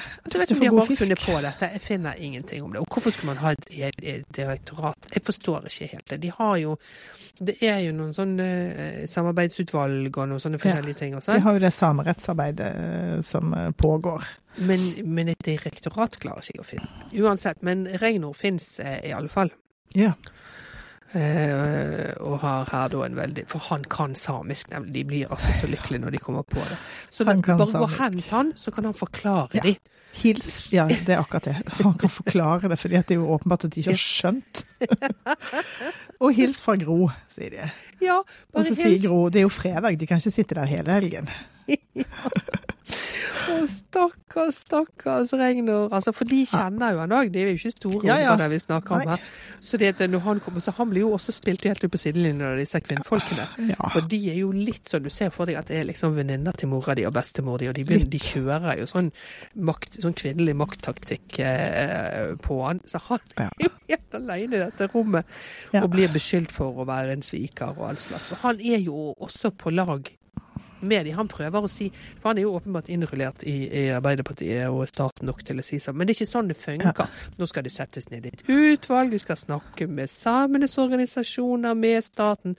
De bare ler av ham. Da er du helt Og han har jo også helt rett. Det er ikke sånn det, er ikke sånn det funker. Det er veldig sjelden man kommer noen vei på denne måten. Ja, Han har helt rett, eh, Mm. men altså han, han har det ikke lett. fordi at Nei. på et tidspunkt så begynner jo, og Martin sitter der, og når de flirer av han hånlig, disse kvinnene, Ja. så tror Martin at det er god stemning, så han ler litt med. Eh, forsøker å snakke med dem på norsk, og Ragnor forsøker å ta jobben som han er satt i, og liksom begynne å tolke, og da blir de jo fly forbanna og liksom sier du er en kujon, du sitter ikke der og tolker for oss. Fortell de hva vi snakker om. Ikke sant? Liksom. Ja. Ja, nei, han har det så vrangt, stakkars. Nei, det er ikke eh, altså. Ja. Og, og konklusjonen på det er jo igjen at Elmar sier men vi snakker bare med Gro. Ja. Gå vekk. Liksom. Og, og verste her, da, er han har bare stormet fra regjeringsbygget ned til Stortinget for å finne Ante. Og Ja. spør han hva syns du om at søstera og mora di nå har okkupert eh, statsministerens kontor. Ja. Og her stabler de seg på beina hele sultestreiken og eh, tilhørende eh, hele leiren og alle disse miljøfolka og han, han Gøye Høie. Han har ropet og greier. Han er så vittig. Han har så god sånn komisk timing på å være i kløen med den der roboten og Ja, nå går vi alle sammen. Å nei, dere har alle sammen begynt å gå, liksom. Han er litt sånn Life of Brian. Han er Brian, liksom. Det er veldig gøy, fordi at det liksom den, den rollen Han blir jo portrettert som en opportunist som, Ja, som ja. henger seg på. En, den, den kjenner vi til, for å si det sånn. Ja, det er det. Han er så veldig gjenkjennbar, og jeg ler så godt av han. Eh, Men her stikker de alle sammen iallfall på vei til eh, regjeringsbygget. Ja. Og kommer seg inn i eh, lobbyen der og begynner å holde øye og lage bråk og la elva leve. Ja. Og etter hvert, altså litt seinere, men da går de all in på eh, Ja, vi elsker. Eh, så Ja. det runger i bygget. Ja. Eh, Det er, de sitter både utenfor og eh, Ja. i lobbyen på, på regjeringsblokka. ja. Um, Ja, og Ingjald og, eh, og Martin er nede i, i resepsjonen og aner ikke hva de skal gjøre. Og igjen, ansiktet til Martin fortjener en pris. ansiktet til Martin. Han, han er som en sånn levende plakat som bare sier 'å nei', 'å nei', og nå skjer dette òg. Det er det! Han, han kunne hatt en veldig god rolle i The Office i alle land, på en måte. Han har Ja. sånn The Office-tryne. Ja, han er, eh, han er en god, eh, god fyr. Jeg kjenner han ikke fra noe annet, Nei, men jeg eh, han er jo et er så oppkomme av ansiktsuttrykk som er passende i denne, denne settingen. helt fantastisk, ja. Nei, så begynner de med det der med å hive lapper ut av vinduet, som er jo en Ja. gag. De gjorde det jo også, men det blir jo også veldig sånn gag med, fordi de skriver på lappene 'vi gir oss ikke', pakker de inn i sukkerbiter og kaster de ut til aktivistene utenfor.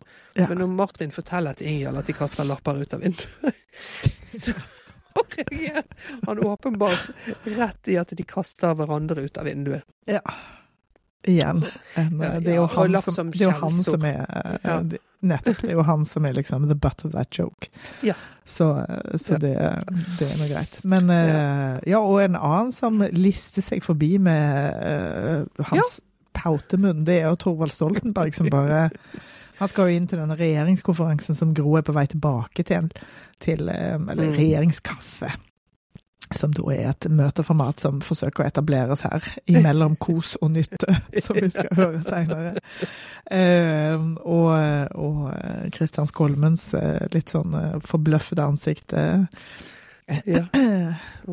Em, ja, og her etter dette her nå, så kommer det en scene som jeg syns er helt fantastisk, når det kommer et bollefat inn til regjeringens fredagskaffe. Ja. Som er sånn eh, det er det, De er jo veldig opptatt av wienerbrød i denne serien, så det er veldig, det er ganske det er nok wienerbrød og boller her, tenker man jo. De er kanskje Hvor mange er de da? Tolv, kanskje? Um, så det er liksom veldig sånn overflod av boller og wienerbrød, men det filmet så innmari fint med han fyren fra kantinen Ja. som kommer med boller og wienerbrød, og så mange jobber man har hatt som der det kommer en sånn kar fra kantinen med boller og wienerbrød. Han skal jo bare inn på møterommet. Men der møter han 14 samekvinner som lurer på om det Og er det vi som Ja. Det er ikke vi som får, takker. Det blir rullet videre inn til Gros kontor, med litt sånn hjelp, da. Ja, Ja. Hun, har glemt hva hun het igjen, hun som filmer hele tiden. Nettopp. Hun drar på og hjelper til der òg. Ja. Martin syns alt er veldig flaut der. Igjen har han gått Martin-ansikt. og den regjeringskaffen som, må, som egentlig skulle vært på møtekontoret, skjer nå på Gro sitt kontor. Og når Ja. alle kommer da, så sitter de litt sånn altfor trangt i sofa. Og jeg syns så synd i det, for det er det verste som fins. Ja, og så er det jo litt sånn Hun er jo ikke, hun er jo ikke akkurat noen sånn løsprater, Gro. Så hun tar jo ordet for å, å liksom si sånn Ja, ja, nei, men nå skal vi jo, og glede meg, og den der lille peptalken som Ja. sjefen skal si, liksom. Og Førde er liksom utrolig gøyal og komplett obnoxious, for han bare Jeg hører ikke hva du sier. Hvorfor, eh, hvorfor snakker du så stille? Og selvfølgelig, hun vet jo hva som skjer på, på rommet ved siden av, så hun forsøker jo å, å liksom eh, Ja, De kan ikke drive og re- avsløre regjeringshemmeligheter eller liksom provosere 14 samekvinner til å innse at de er der. Det kan de ikke. Jeg hører ikke noe hva du sier. Ikke- Ja. Har du begynt med sånn spionvirksomhet her, eller hva er det? Og i tillegg så er jo Altså, Martin har jo allerede sagt sånn Jeg har jo informert de om at du kommer tilbake igjen og skal ha møte med regjeringen, men jeg har jo ikke kalt det fredagskaffe. For det høres jo ekstremt lite respektfullt ut. Og lite at, viktig, ja. ikke minst. Da kan jo du ha det møtet. Det som jo også kommer frem i det møtet der de snakker lavt, er jo at Sissel Rødenberg er åpenbart på demonstrantene sin side. Ja. Eh, og mens Gro bare sier ja, vi skal ikke snakke om det nå, eh, liksom, som blir avfeid. Og jeg vet ikke om hvordan det så ut i regjeringen og i Stortinget også, for den del. Det hadde vært interessant å vite hvordan det store bildet var. Er det sånn 80-20, 50-50? Hvordan var det egentlig? ja, det er vanskelig å vite. Ja. Mm. Men eh, er liksom åpenbart den som får rollen i, i, eh, her, da. Med å være Ja. den som eh, helst skulle sett alt av Kautokeino vernet. Ja. Eh, og mens de sitter i dette litt sånn forknytte møtet, så er det de hører 'Ja, vi elsker' runge fra eh, utenfra Ja. og fra resepsjonen. Ja. Eh, og da eh, Og så får vi liksom originalklipp ned fra denne resepsjonen òg. Ja. Eh, og der òg var jeg sånn Er det eh, eller ikke? Da måtte jeg bare konkludere på Nei, de er så, de er så tynne, dette må være 70-tallet. For alle, ikke bare de som sultestreiker, men sånn 70-tallskropp, liksom. Ja. I mengde. Det, klarer man ikke å oppdrive. Nå. Før ultraprosessert mat. Ja, det, det er akkurat det. det. På tross der- av alle panettene til eh, familien Brundtland. Ja, det er det første som kommer. Det, det er veien til undergangen. Ja. Eh, Mikkel og Ante det er jo også der òg i sentrum det bildet og ser kjempeslitne ut. Ja. Både på det originalopptaket òg. Ja. For det som jo blir så dramatisk her nå, er jo at de har kalt inn politiet og skal dra de ut. Og han Ante er så dårlig, så han eh, blir kjørt vekk i ambulanse. Ja. Veldig ubehagelig dette, syns jeg. Med at de blir dratt av gårde sånn. Ja, tvangsmating er jo, det er jo et dårlig bilde å ha på Ja. netthinnen, Ja, med den er det. kunnskapen som man har. Og jeg vet Ja. ikke om han ble liksom matet da, men iallfall så har han jo Eller kanskje får noe sånn eh, drypp. Eh, vi kan ikke Igjen, vi kan for lite om denne historien. Ja. Eh, men i alle fall så har de oppe på det møterommet så har de eh, funnet seg en transistorradio, sånn at Ellen får med seg denne nyheten om Hun oversetter til det andre, og at eh, både hun og moren innser at Ante er på sykehus. Eh, og det er liksom snakk om vi kan dra til sykehuset, men nei, de holder seg jo der, holder fortet på det møterommet.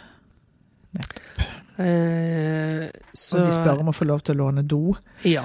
Så det liksom blir en mer sånn, hva skal man si, de bryter opp litt eh, med et litt mer sånn langsiktig perspektiv. Ja. Eh, sånn at det som møter Gro når hun går for, fra fra denne regjeringskaffen og skal hjem eh, til familien, så, så eh, står hun i heisen når, eh, når den lille jenta Mm. eh, og noen som følger henne, går for å gå på do.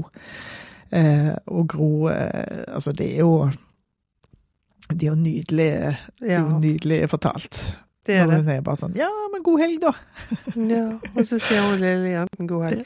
Var, Ja. jeg måtte gråte litt, jeg da. Jeg ble så rørt eh, av det. Det, det er veldig fint gjort, fordi så tar hun jo da heisen ned og reiser hjem, og så sitter hun eh, et par eh, scener seinere, så sitter hun og jobber overtid Mm. over middagsbordet mens Arne Olav driver og rydder av. Så driver hun og leser noen papirer, eh, og lydsporet av den lille jenta som da fortsetter å synge. Eh, Ja, de synger jo denne salmen. Ja, Ja. for mellom her så synger de salme 143, som jeg, jeg prøvde å liksom få med meg sånne salmer. er jo nesten helt umulig å skjønne språket til, hvis ikke Ja. det liksom er inne i det. Eh, men jeg forsto det som at Gud, Gud er med meg, og da eh, er det greit. Uansett hva som jeg utsettes for, så er Det er jo 98 av alle salmers er eh, hovedbudskap, så og, den er grei. og det ble jeg også, også så påminnet med den der hvorfor salmesangen ligger. For det er jo egentlig sånn eh, ikke, Det er jo sånn Teksten er jo litt sånn halleluja, gloria, gloria. Melodien nitrist, Ja. mollstemt, forferdelig melodiløst. Altså, salmer er forferdelige. I de- 99 av tilfellene. De fleste av de er, er forglemmelige. Ja. ja, forglemmelige er kanskje et bedre ord. Men ja. den eh, eh, lyden forfølger i hvert fall Gro inn til det åretidsarbeidet årtidsarbeidet hennes. Så det er jo nesten som man får litt sånn Durek-aktig følelse av at hun faktisk hører de. Eh, faktisk. ja, det er jo altså sånn fortellingsmessig er det jo en utrolig fin måte å fortelle at eh, Fordi det er jo da de synger jo alle sammen, det er mora til Ellen som sier Når Ellen er sånn 'Gud, vi må reise til sykehuset', Mm. så sier mora til Ellen 'Skal vi ikke bare ta en salme', liksom. Mm. Så hun fortsetter jo på en eller annen måte å og motivere de til å bli sittende. Eh, så begynner de å synge alle sammen, og så over bildet av Gro som overtidsjobber, så er det bare den lille jenta som synger. Og det er jo en fantastisk måte å si Mm. at hun henger igjen i Gros Ja. hode. Eh, Istedenfor Og det å bruke lydbildet sånn i stedet for å liksom vise noe eh, kryssklipping eller, eller bare sånn indre liv. Eh, eh, indre liv over ansikt. Og alle klisjeene som man har. Eh, det er jo veldig enkelt, men det er bare kjempeeffektivt. Men de er jo så gode på lyd i denne serien. Altså, det, er helt, mm. det er så bra. Ja, veldig, veldig fint. Altså, det var helt nydelig, syns jeg. Ja. Eh, og Martin på kontoret der, er jo så så han er jo gi med tepper til de. Ja, det- han det har jo allerede da båret inn sånn restene fra dette og det var møtet. Og det var veldig veldig, awkward. Ja, Og det, var så er altså, rest, rester fra de rike spor. Nei. Nei det Uff. Altså. Og, og, så, og så begynte jeg å telle, for det var liksom ikke én til alle heller. Så det Nei, var sånn skikkelig Oi, så kan dere ha litt sånn der eh, Fluenes herre-aktig ja. kamp her inne Ja. om wienerbrødene. Ja. Ja, det var forferdelig ekkelt. Det er jo selvfølgelig liksom med de beste intensjoner og, like- og Mm. påskyndet av at Gro sier sånn Gud, har de spist noe, eller? Ja. Eh, så kommer de på at ja, men gud, kanskje vi bare kunne liksom latt Det, det burde de selvfølgelig bare gjort med den der jævla tralla når den kom feil Ja, ja, i utgangspunktet. Bare sagt sånn, det blir ikke noe Det blir ikke noe bolle ved denne kaffen. Nå Ja, tar vi en prat, og så går vi hjem, liksom. Ja. Ja, ja, ja. Nei, sånn Smuler fra de rikes bord er jo det som denne Det har hele overbygningen her. Veldig, veldig ubehagelig. Eh, Men han er i hvert fall oppe der med teppet til de òg, og så ringer Ja. han Gro og sier at lobbyen er klar, men vi har ikke gjort noe med, med damen ennå fordi det er fullt pressoppbud utenfor her. Jeg er i kontakt med politiet, men vi liksom Vi må se det litt an hvordan vi løser det. Ja. Og Ingjald kommer inn og sier liksom Han ser jo at stakkars Martin har ansikt. han har Martin ansikt. Det er ikke det, du gjør bare jobben din. Liksom, det er greit. Ja. Eh, Kan han si. ja, det, det er ikke sant. Og der, der er det jo eh, veldig raskt etter de, de, alle de, er liksom at de alle sammen ligger og sover, med unntak av Ellen som står og ser ut vinduet, og inn kommer politiet. Ja. Og det er også så himla ubehagelig, for de er jo blir liksom tatt ut med søpla. For de blir sendt ned i en kjeller, ned til en baktrapp, og det er søppelkonteinere og sånt, og de blir satt opp på sånne traller som man bruker til å frakte Ja. alskens på, da. Hvorfor de skal på de trallene, er usikker. Jeg tror Men- for Hvis ikke så må de jo dra de gjennom gangene. Så på en eller annen måte, Hvis du kan tvinge de opp på den tralla og rulle de, så er det vel liksom mer respektfullt. Ja, det kan du si. Nå vet jeg ikke helt hvorfor eh, noen kommer gående vår trapp. Jeg lurte på om det var noen som kom på besøk til oss, men jeg håper det ikke. Nei, det går ikke. Vi podder. Jeg vet det. Det brukes litt en trapp liksom mellom to oh, ja. veier, som av og til brukes som en sånn snarvei av noen. ja. Men oftest How rude. Ja, det Ja. det hva de får lov til. Men, um... Men det som er gøy, er jo at nå veksler vi jo til arkivklipp av de faktiske politibilene som da kjører de ut av De reiser vel ned i kjelleren, da, sånn at de kan liksom kjøres ut av garasjen Ja. mer eller mindre diskré. Og, Ja. og da ser vi de faktiske politibilene med de faktiske demonstrantene som eh, kjører ut. Ikke sant. Eh, og det, det, det syns jeg var veldig bra òg. For dette, det, det, det som var så tilfredsstillende med det, var jo hele forsøket med det der med å ta de ut gjennom kjelleren, var jo at eh, ingen skulle eh, se det. At pressen ikke skulle se det, for pressen venter utenfor. Men det har jo åpenbart mislykkes helt, da. I og med at de har det på teip. Ja, fordi eh, jeg lurte òg på liksom, har pressen gått hjem, men de hang eh, utenfor med demonstrantene, så det var, det var fint å Ja, se det de kan faktiske hende noen av de òg hadde vett til å gå, sjekke baktøren, liksom. Ja, men det, altså det, de kjører jo ut gjennom demonstrantene, så det, jo, det fremstår som at de var på utsiden. Ja, for da skjønner jeg ikke hele det der aset at de skulle ned eh, med søpla, eh, liksom. Men OK. Det er vel forskjell å få de i bilen uten Ja, at noen liksom blander Ja. seg inn, Ja. enn å liksom ha de ut utgangsdøra. Ja. Det var så Det var, det var bare så um, take Ja, out det er trash, effektivt. eh, Det er effektivt. Det er veldig effektivt fortalt. Ja. Men iallfall, veldig glad for at presten fikk med seg eh, dette eh, sorgens kapittel av en dag. Men fremdeles er det jo liksom Vi er okkupert en dag eh, inne på Det er ikke verst, bare det. Det er ikke verst. Det er helt sjukt, og det er Ja. òg helt sjukt at jeg ikke har visst om det sånn Ja. ordentlig. Jeg lurer, altså, jeg, jeg, er sånn, her har jeg egentlig visst om dette? Uklart for meg, men jeg har i hvert fall ikke tenkt over hva innebærer det at samiske kvinner okkuperer statsministerens Ja. kontor? Hva innebærer det en sånn dag? Og det var veldig fint å få fortalt. Ja. Ja, jeg òg likte det kjempegodt og trengte eh, å få den påminnelsen. Eller, og jeg, eller påminnelse, jeg vet ikke engang om jeg har hatt det liksom klart for meg at dette har skjedd. Mm. Ja ja, nei, ut med de. Eh, og så er det jo veldig fint, for når de blir kjørt på disse trallene ut, så begynner Ellen å joike. Og så, da, da har jo de kommet fra den salmesangen, eh, ikke sant, som er så mørk og ja, altså, med noe helt annet, da. Ja. Eh, til noe mer protestaktig, kan man jo Mm. tenke seg. Mm.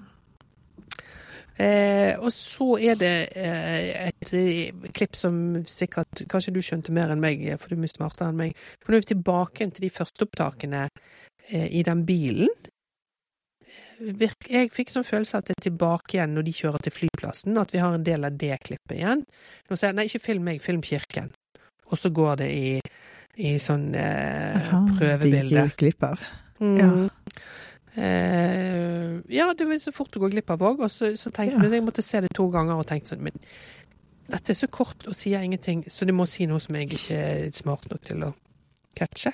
Mm, Det er vel koblingen bare da tilbake. Altså, jeg gikk jo glipp av det, men vi for å gjette, da. Så vi, i neste scene så skal vi jo da se eh, Gro og Martin være i dette tomme møtelokalet. Da er det morgen igjen, Ja. eh, og Martin finner den barnetegningen eh, Ja. som han da gir til Gro, der vi ser eh, kirken, masse vann rundt, og så folkene. Sånn at det er jo da den frykten som Ellen midt i episoden setter ord på, at de er redd for at Ja. Bygda skal oversvømmes, den har da dette barnet tegna.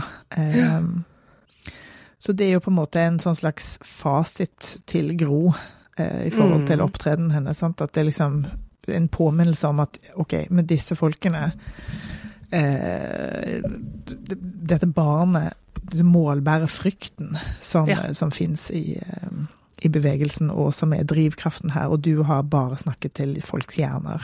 Eh, Mm. Og du har liksom feilet med Du har feilet med muligheten til å, til å skape noe mer. Eh, Mm. Selv om selvfølgelig så har hun helt rett i at hun kunne ikke bare kunne ikke bare endre stortingsvedtaket Nei. uten videre. Nei, og så kan man jo ikke si heller høyt, eh, selv om det er det som er at det hestet handlet frem Hardangervidda. For deres, eller deres tanke er jo at ja, men hun klarte jo å redde Hardangervidda, så da kan hun vel Ja. også redde oss. Nei, det er helt tvert imot, Tvert imot. på en måte. Ja, det er akkurat det. Men det er jo, eh, det er jo komplisert, selvfølgelig. Og det er jo igjen tilbake, det er jo det samme. Dette det er liksom det som gikk rundt hele tiden, er jo vekstvern-smerten. Ja. Eh, som vi står i hele tiden, alle sammen, egentlig. Ja. Og det som er så fint igjen med denne serien, er at den klarer å beholde den kompleksiteten hele Mm. veien gjennom, og allikevel klarer liksom å, å få oss til å gråte en skvett, og, Mm. og få oss til å bli emosjonelle og engasjert. Ja. Um, og det er helt fantastisk. Og så, gjør, eh, så har vi ennå et lite sånn metaøyeblikk, fordi eh, Martin driver og maser på henne fordi de skal ha en sånn radiointervju, de skal opp til NRK.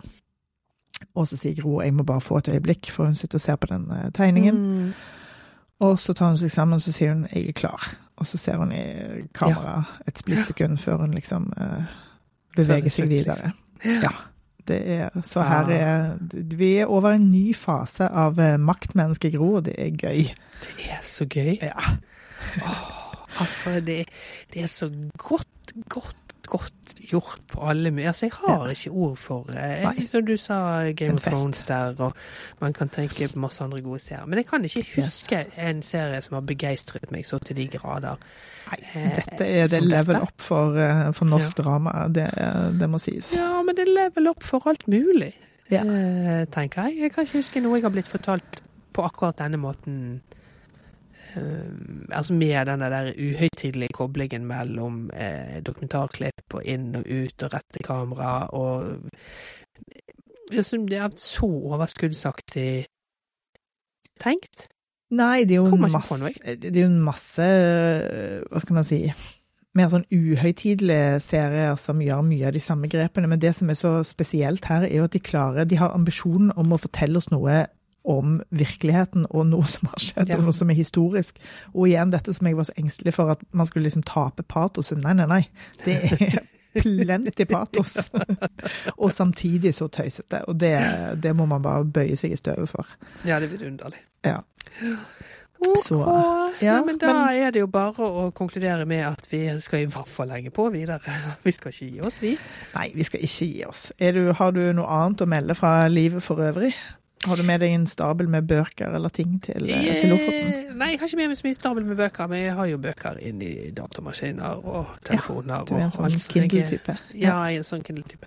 Så vi får se hvor mye lest det blir. Håper det blir lest en del, siden vi jo eh, skal være en måned her. Ja. Eh, det er jo digg. Solen kom tilbake i går. Eh, Ja. Sånn så vidt over horisonten, men det var litt skyet ned mot Bodø der, så vi så det ikke ordentlig. I dag har det vært storm. Ikke, helt, ikke storm, altså ikke sånn storm som definert av værmeldingen som storm, men det var Blåst godt. Blåst godt. Det var så mye trekk i ovnen at jeg sleit med, for hver gang jeg puttet inn en fyrstikk for å tenne fyr på den der parafinbiten, så, så blåste fyrstikken ut. Jøss. Yes. Godt var- trekk i pipa. Det var så jækla godt trekk der en stund, Ja. så, så det sleit litt med. Eh, Yes. Pål ut og fisket. Vi har fått sesongens første torsk med lever og rogn og det hele. Mm. Mm -mm. Sei har spist i dag. Så Ja. eh, jeg, jeg klager ikke over noe som helst. Nei, det høres veldig naturnært og herlig ut. Ja. Eh, Ja. Ja. Hvor lenge skal dere være? F- Tilbake inn i Oslo 1. februar. Ja, så hele måneden, faktisk. Mm. Hmm. Det er fint. Ja. Ja. Fint. Ja, så eh, nei da, jeg har ikke noe å klage. Godt TV og internett eh, stort sett også. Ja. Så livet leker. Ja. Mm. Jeg har en nyhet eh, om en Ja. god historie. Ja. Som jeg opplevde i går. Jeg fikk det her tipset denne uken, så jeg skyndte meg å sjekke det ut. Et spill som heter Un Unpacked. Unpacking. Nå har jeg glemt hva det heter. Un ja, det, Jesus Christ, det var i går kveld. Unpacking heter det. Ja. Eh, som, som er Som forteller Det eneste du gjør, er at du, eh, du pakker opp flytteesker i spillet. Oh, Ja. og så forteller det da historien om en jente fra hun er kanskje ti, til hun Ja. kanskje er 30. ja. Og det som skjer med henne i ymse leiligheter. Du ser aldri henne, du ser kun tingene hennes. Og det eneste du gjør, er å pakke opp. Men pakker du opp og får sette de på plass der du vil ha Det er eller? akkurat det som er spillet. Ah. Eh, Du skal liksom da gjette hvor de hører hjemme, og det er, altså det er ikke liksom vanskelighetsgraden som er greia. Det må av og til liksom litt sånn puzzle-aktig, fordi ting må få plass, men det er veldig Delvis er det veldig eksakt liksom match Ja. av Du kan sette ting ganske eksakt, og så er det ganske bra lydbilde, så det er en sånn slags fortelling om hva slags Av og til så skjønner du ikke helt hva, hva de Ja. tingene er. Eh, og det, er, det var så elegant gjort og, og interessant på mange, mange ulike Ja, måter. Det Fins på Xbox. Anbefales. ut. På X. Mhm.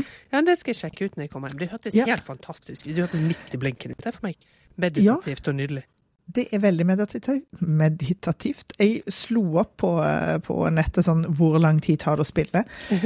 Eh, Så det tar tre-fire timer. Det var derfor jeg liksom begynte å tenke på det. Jeg bare tenkte på det som en film på lørdagskvelden, liksom. Eh, Det tok meg kanskje seks timer, men det er fordi at jeg er så motorisk dårlig. Um, Så, og måtte ta litt sånn pauser og spise og, spise og drikke og sånt. Eh, Så, men det anbefales. Det er liksom en litt lang kveld, kan man Ja. se på det som. Ja. Hørtes helt topp ut. Mhm. Gud, gud, nei, men det var et godt tips. Tusen takk. ja, ja.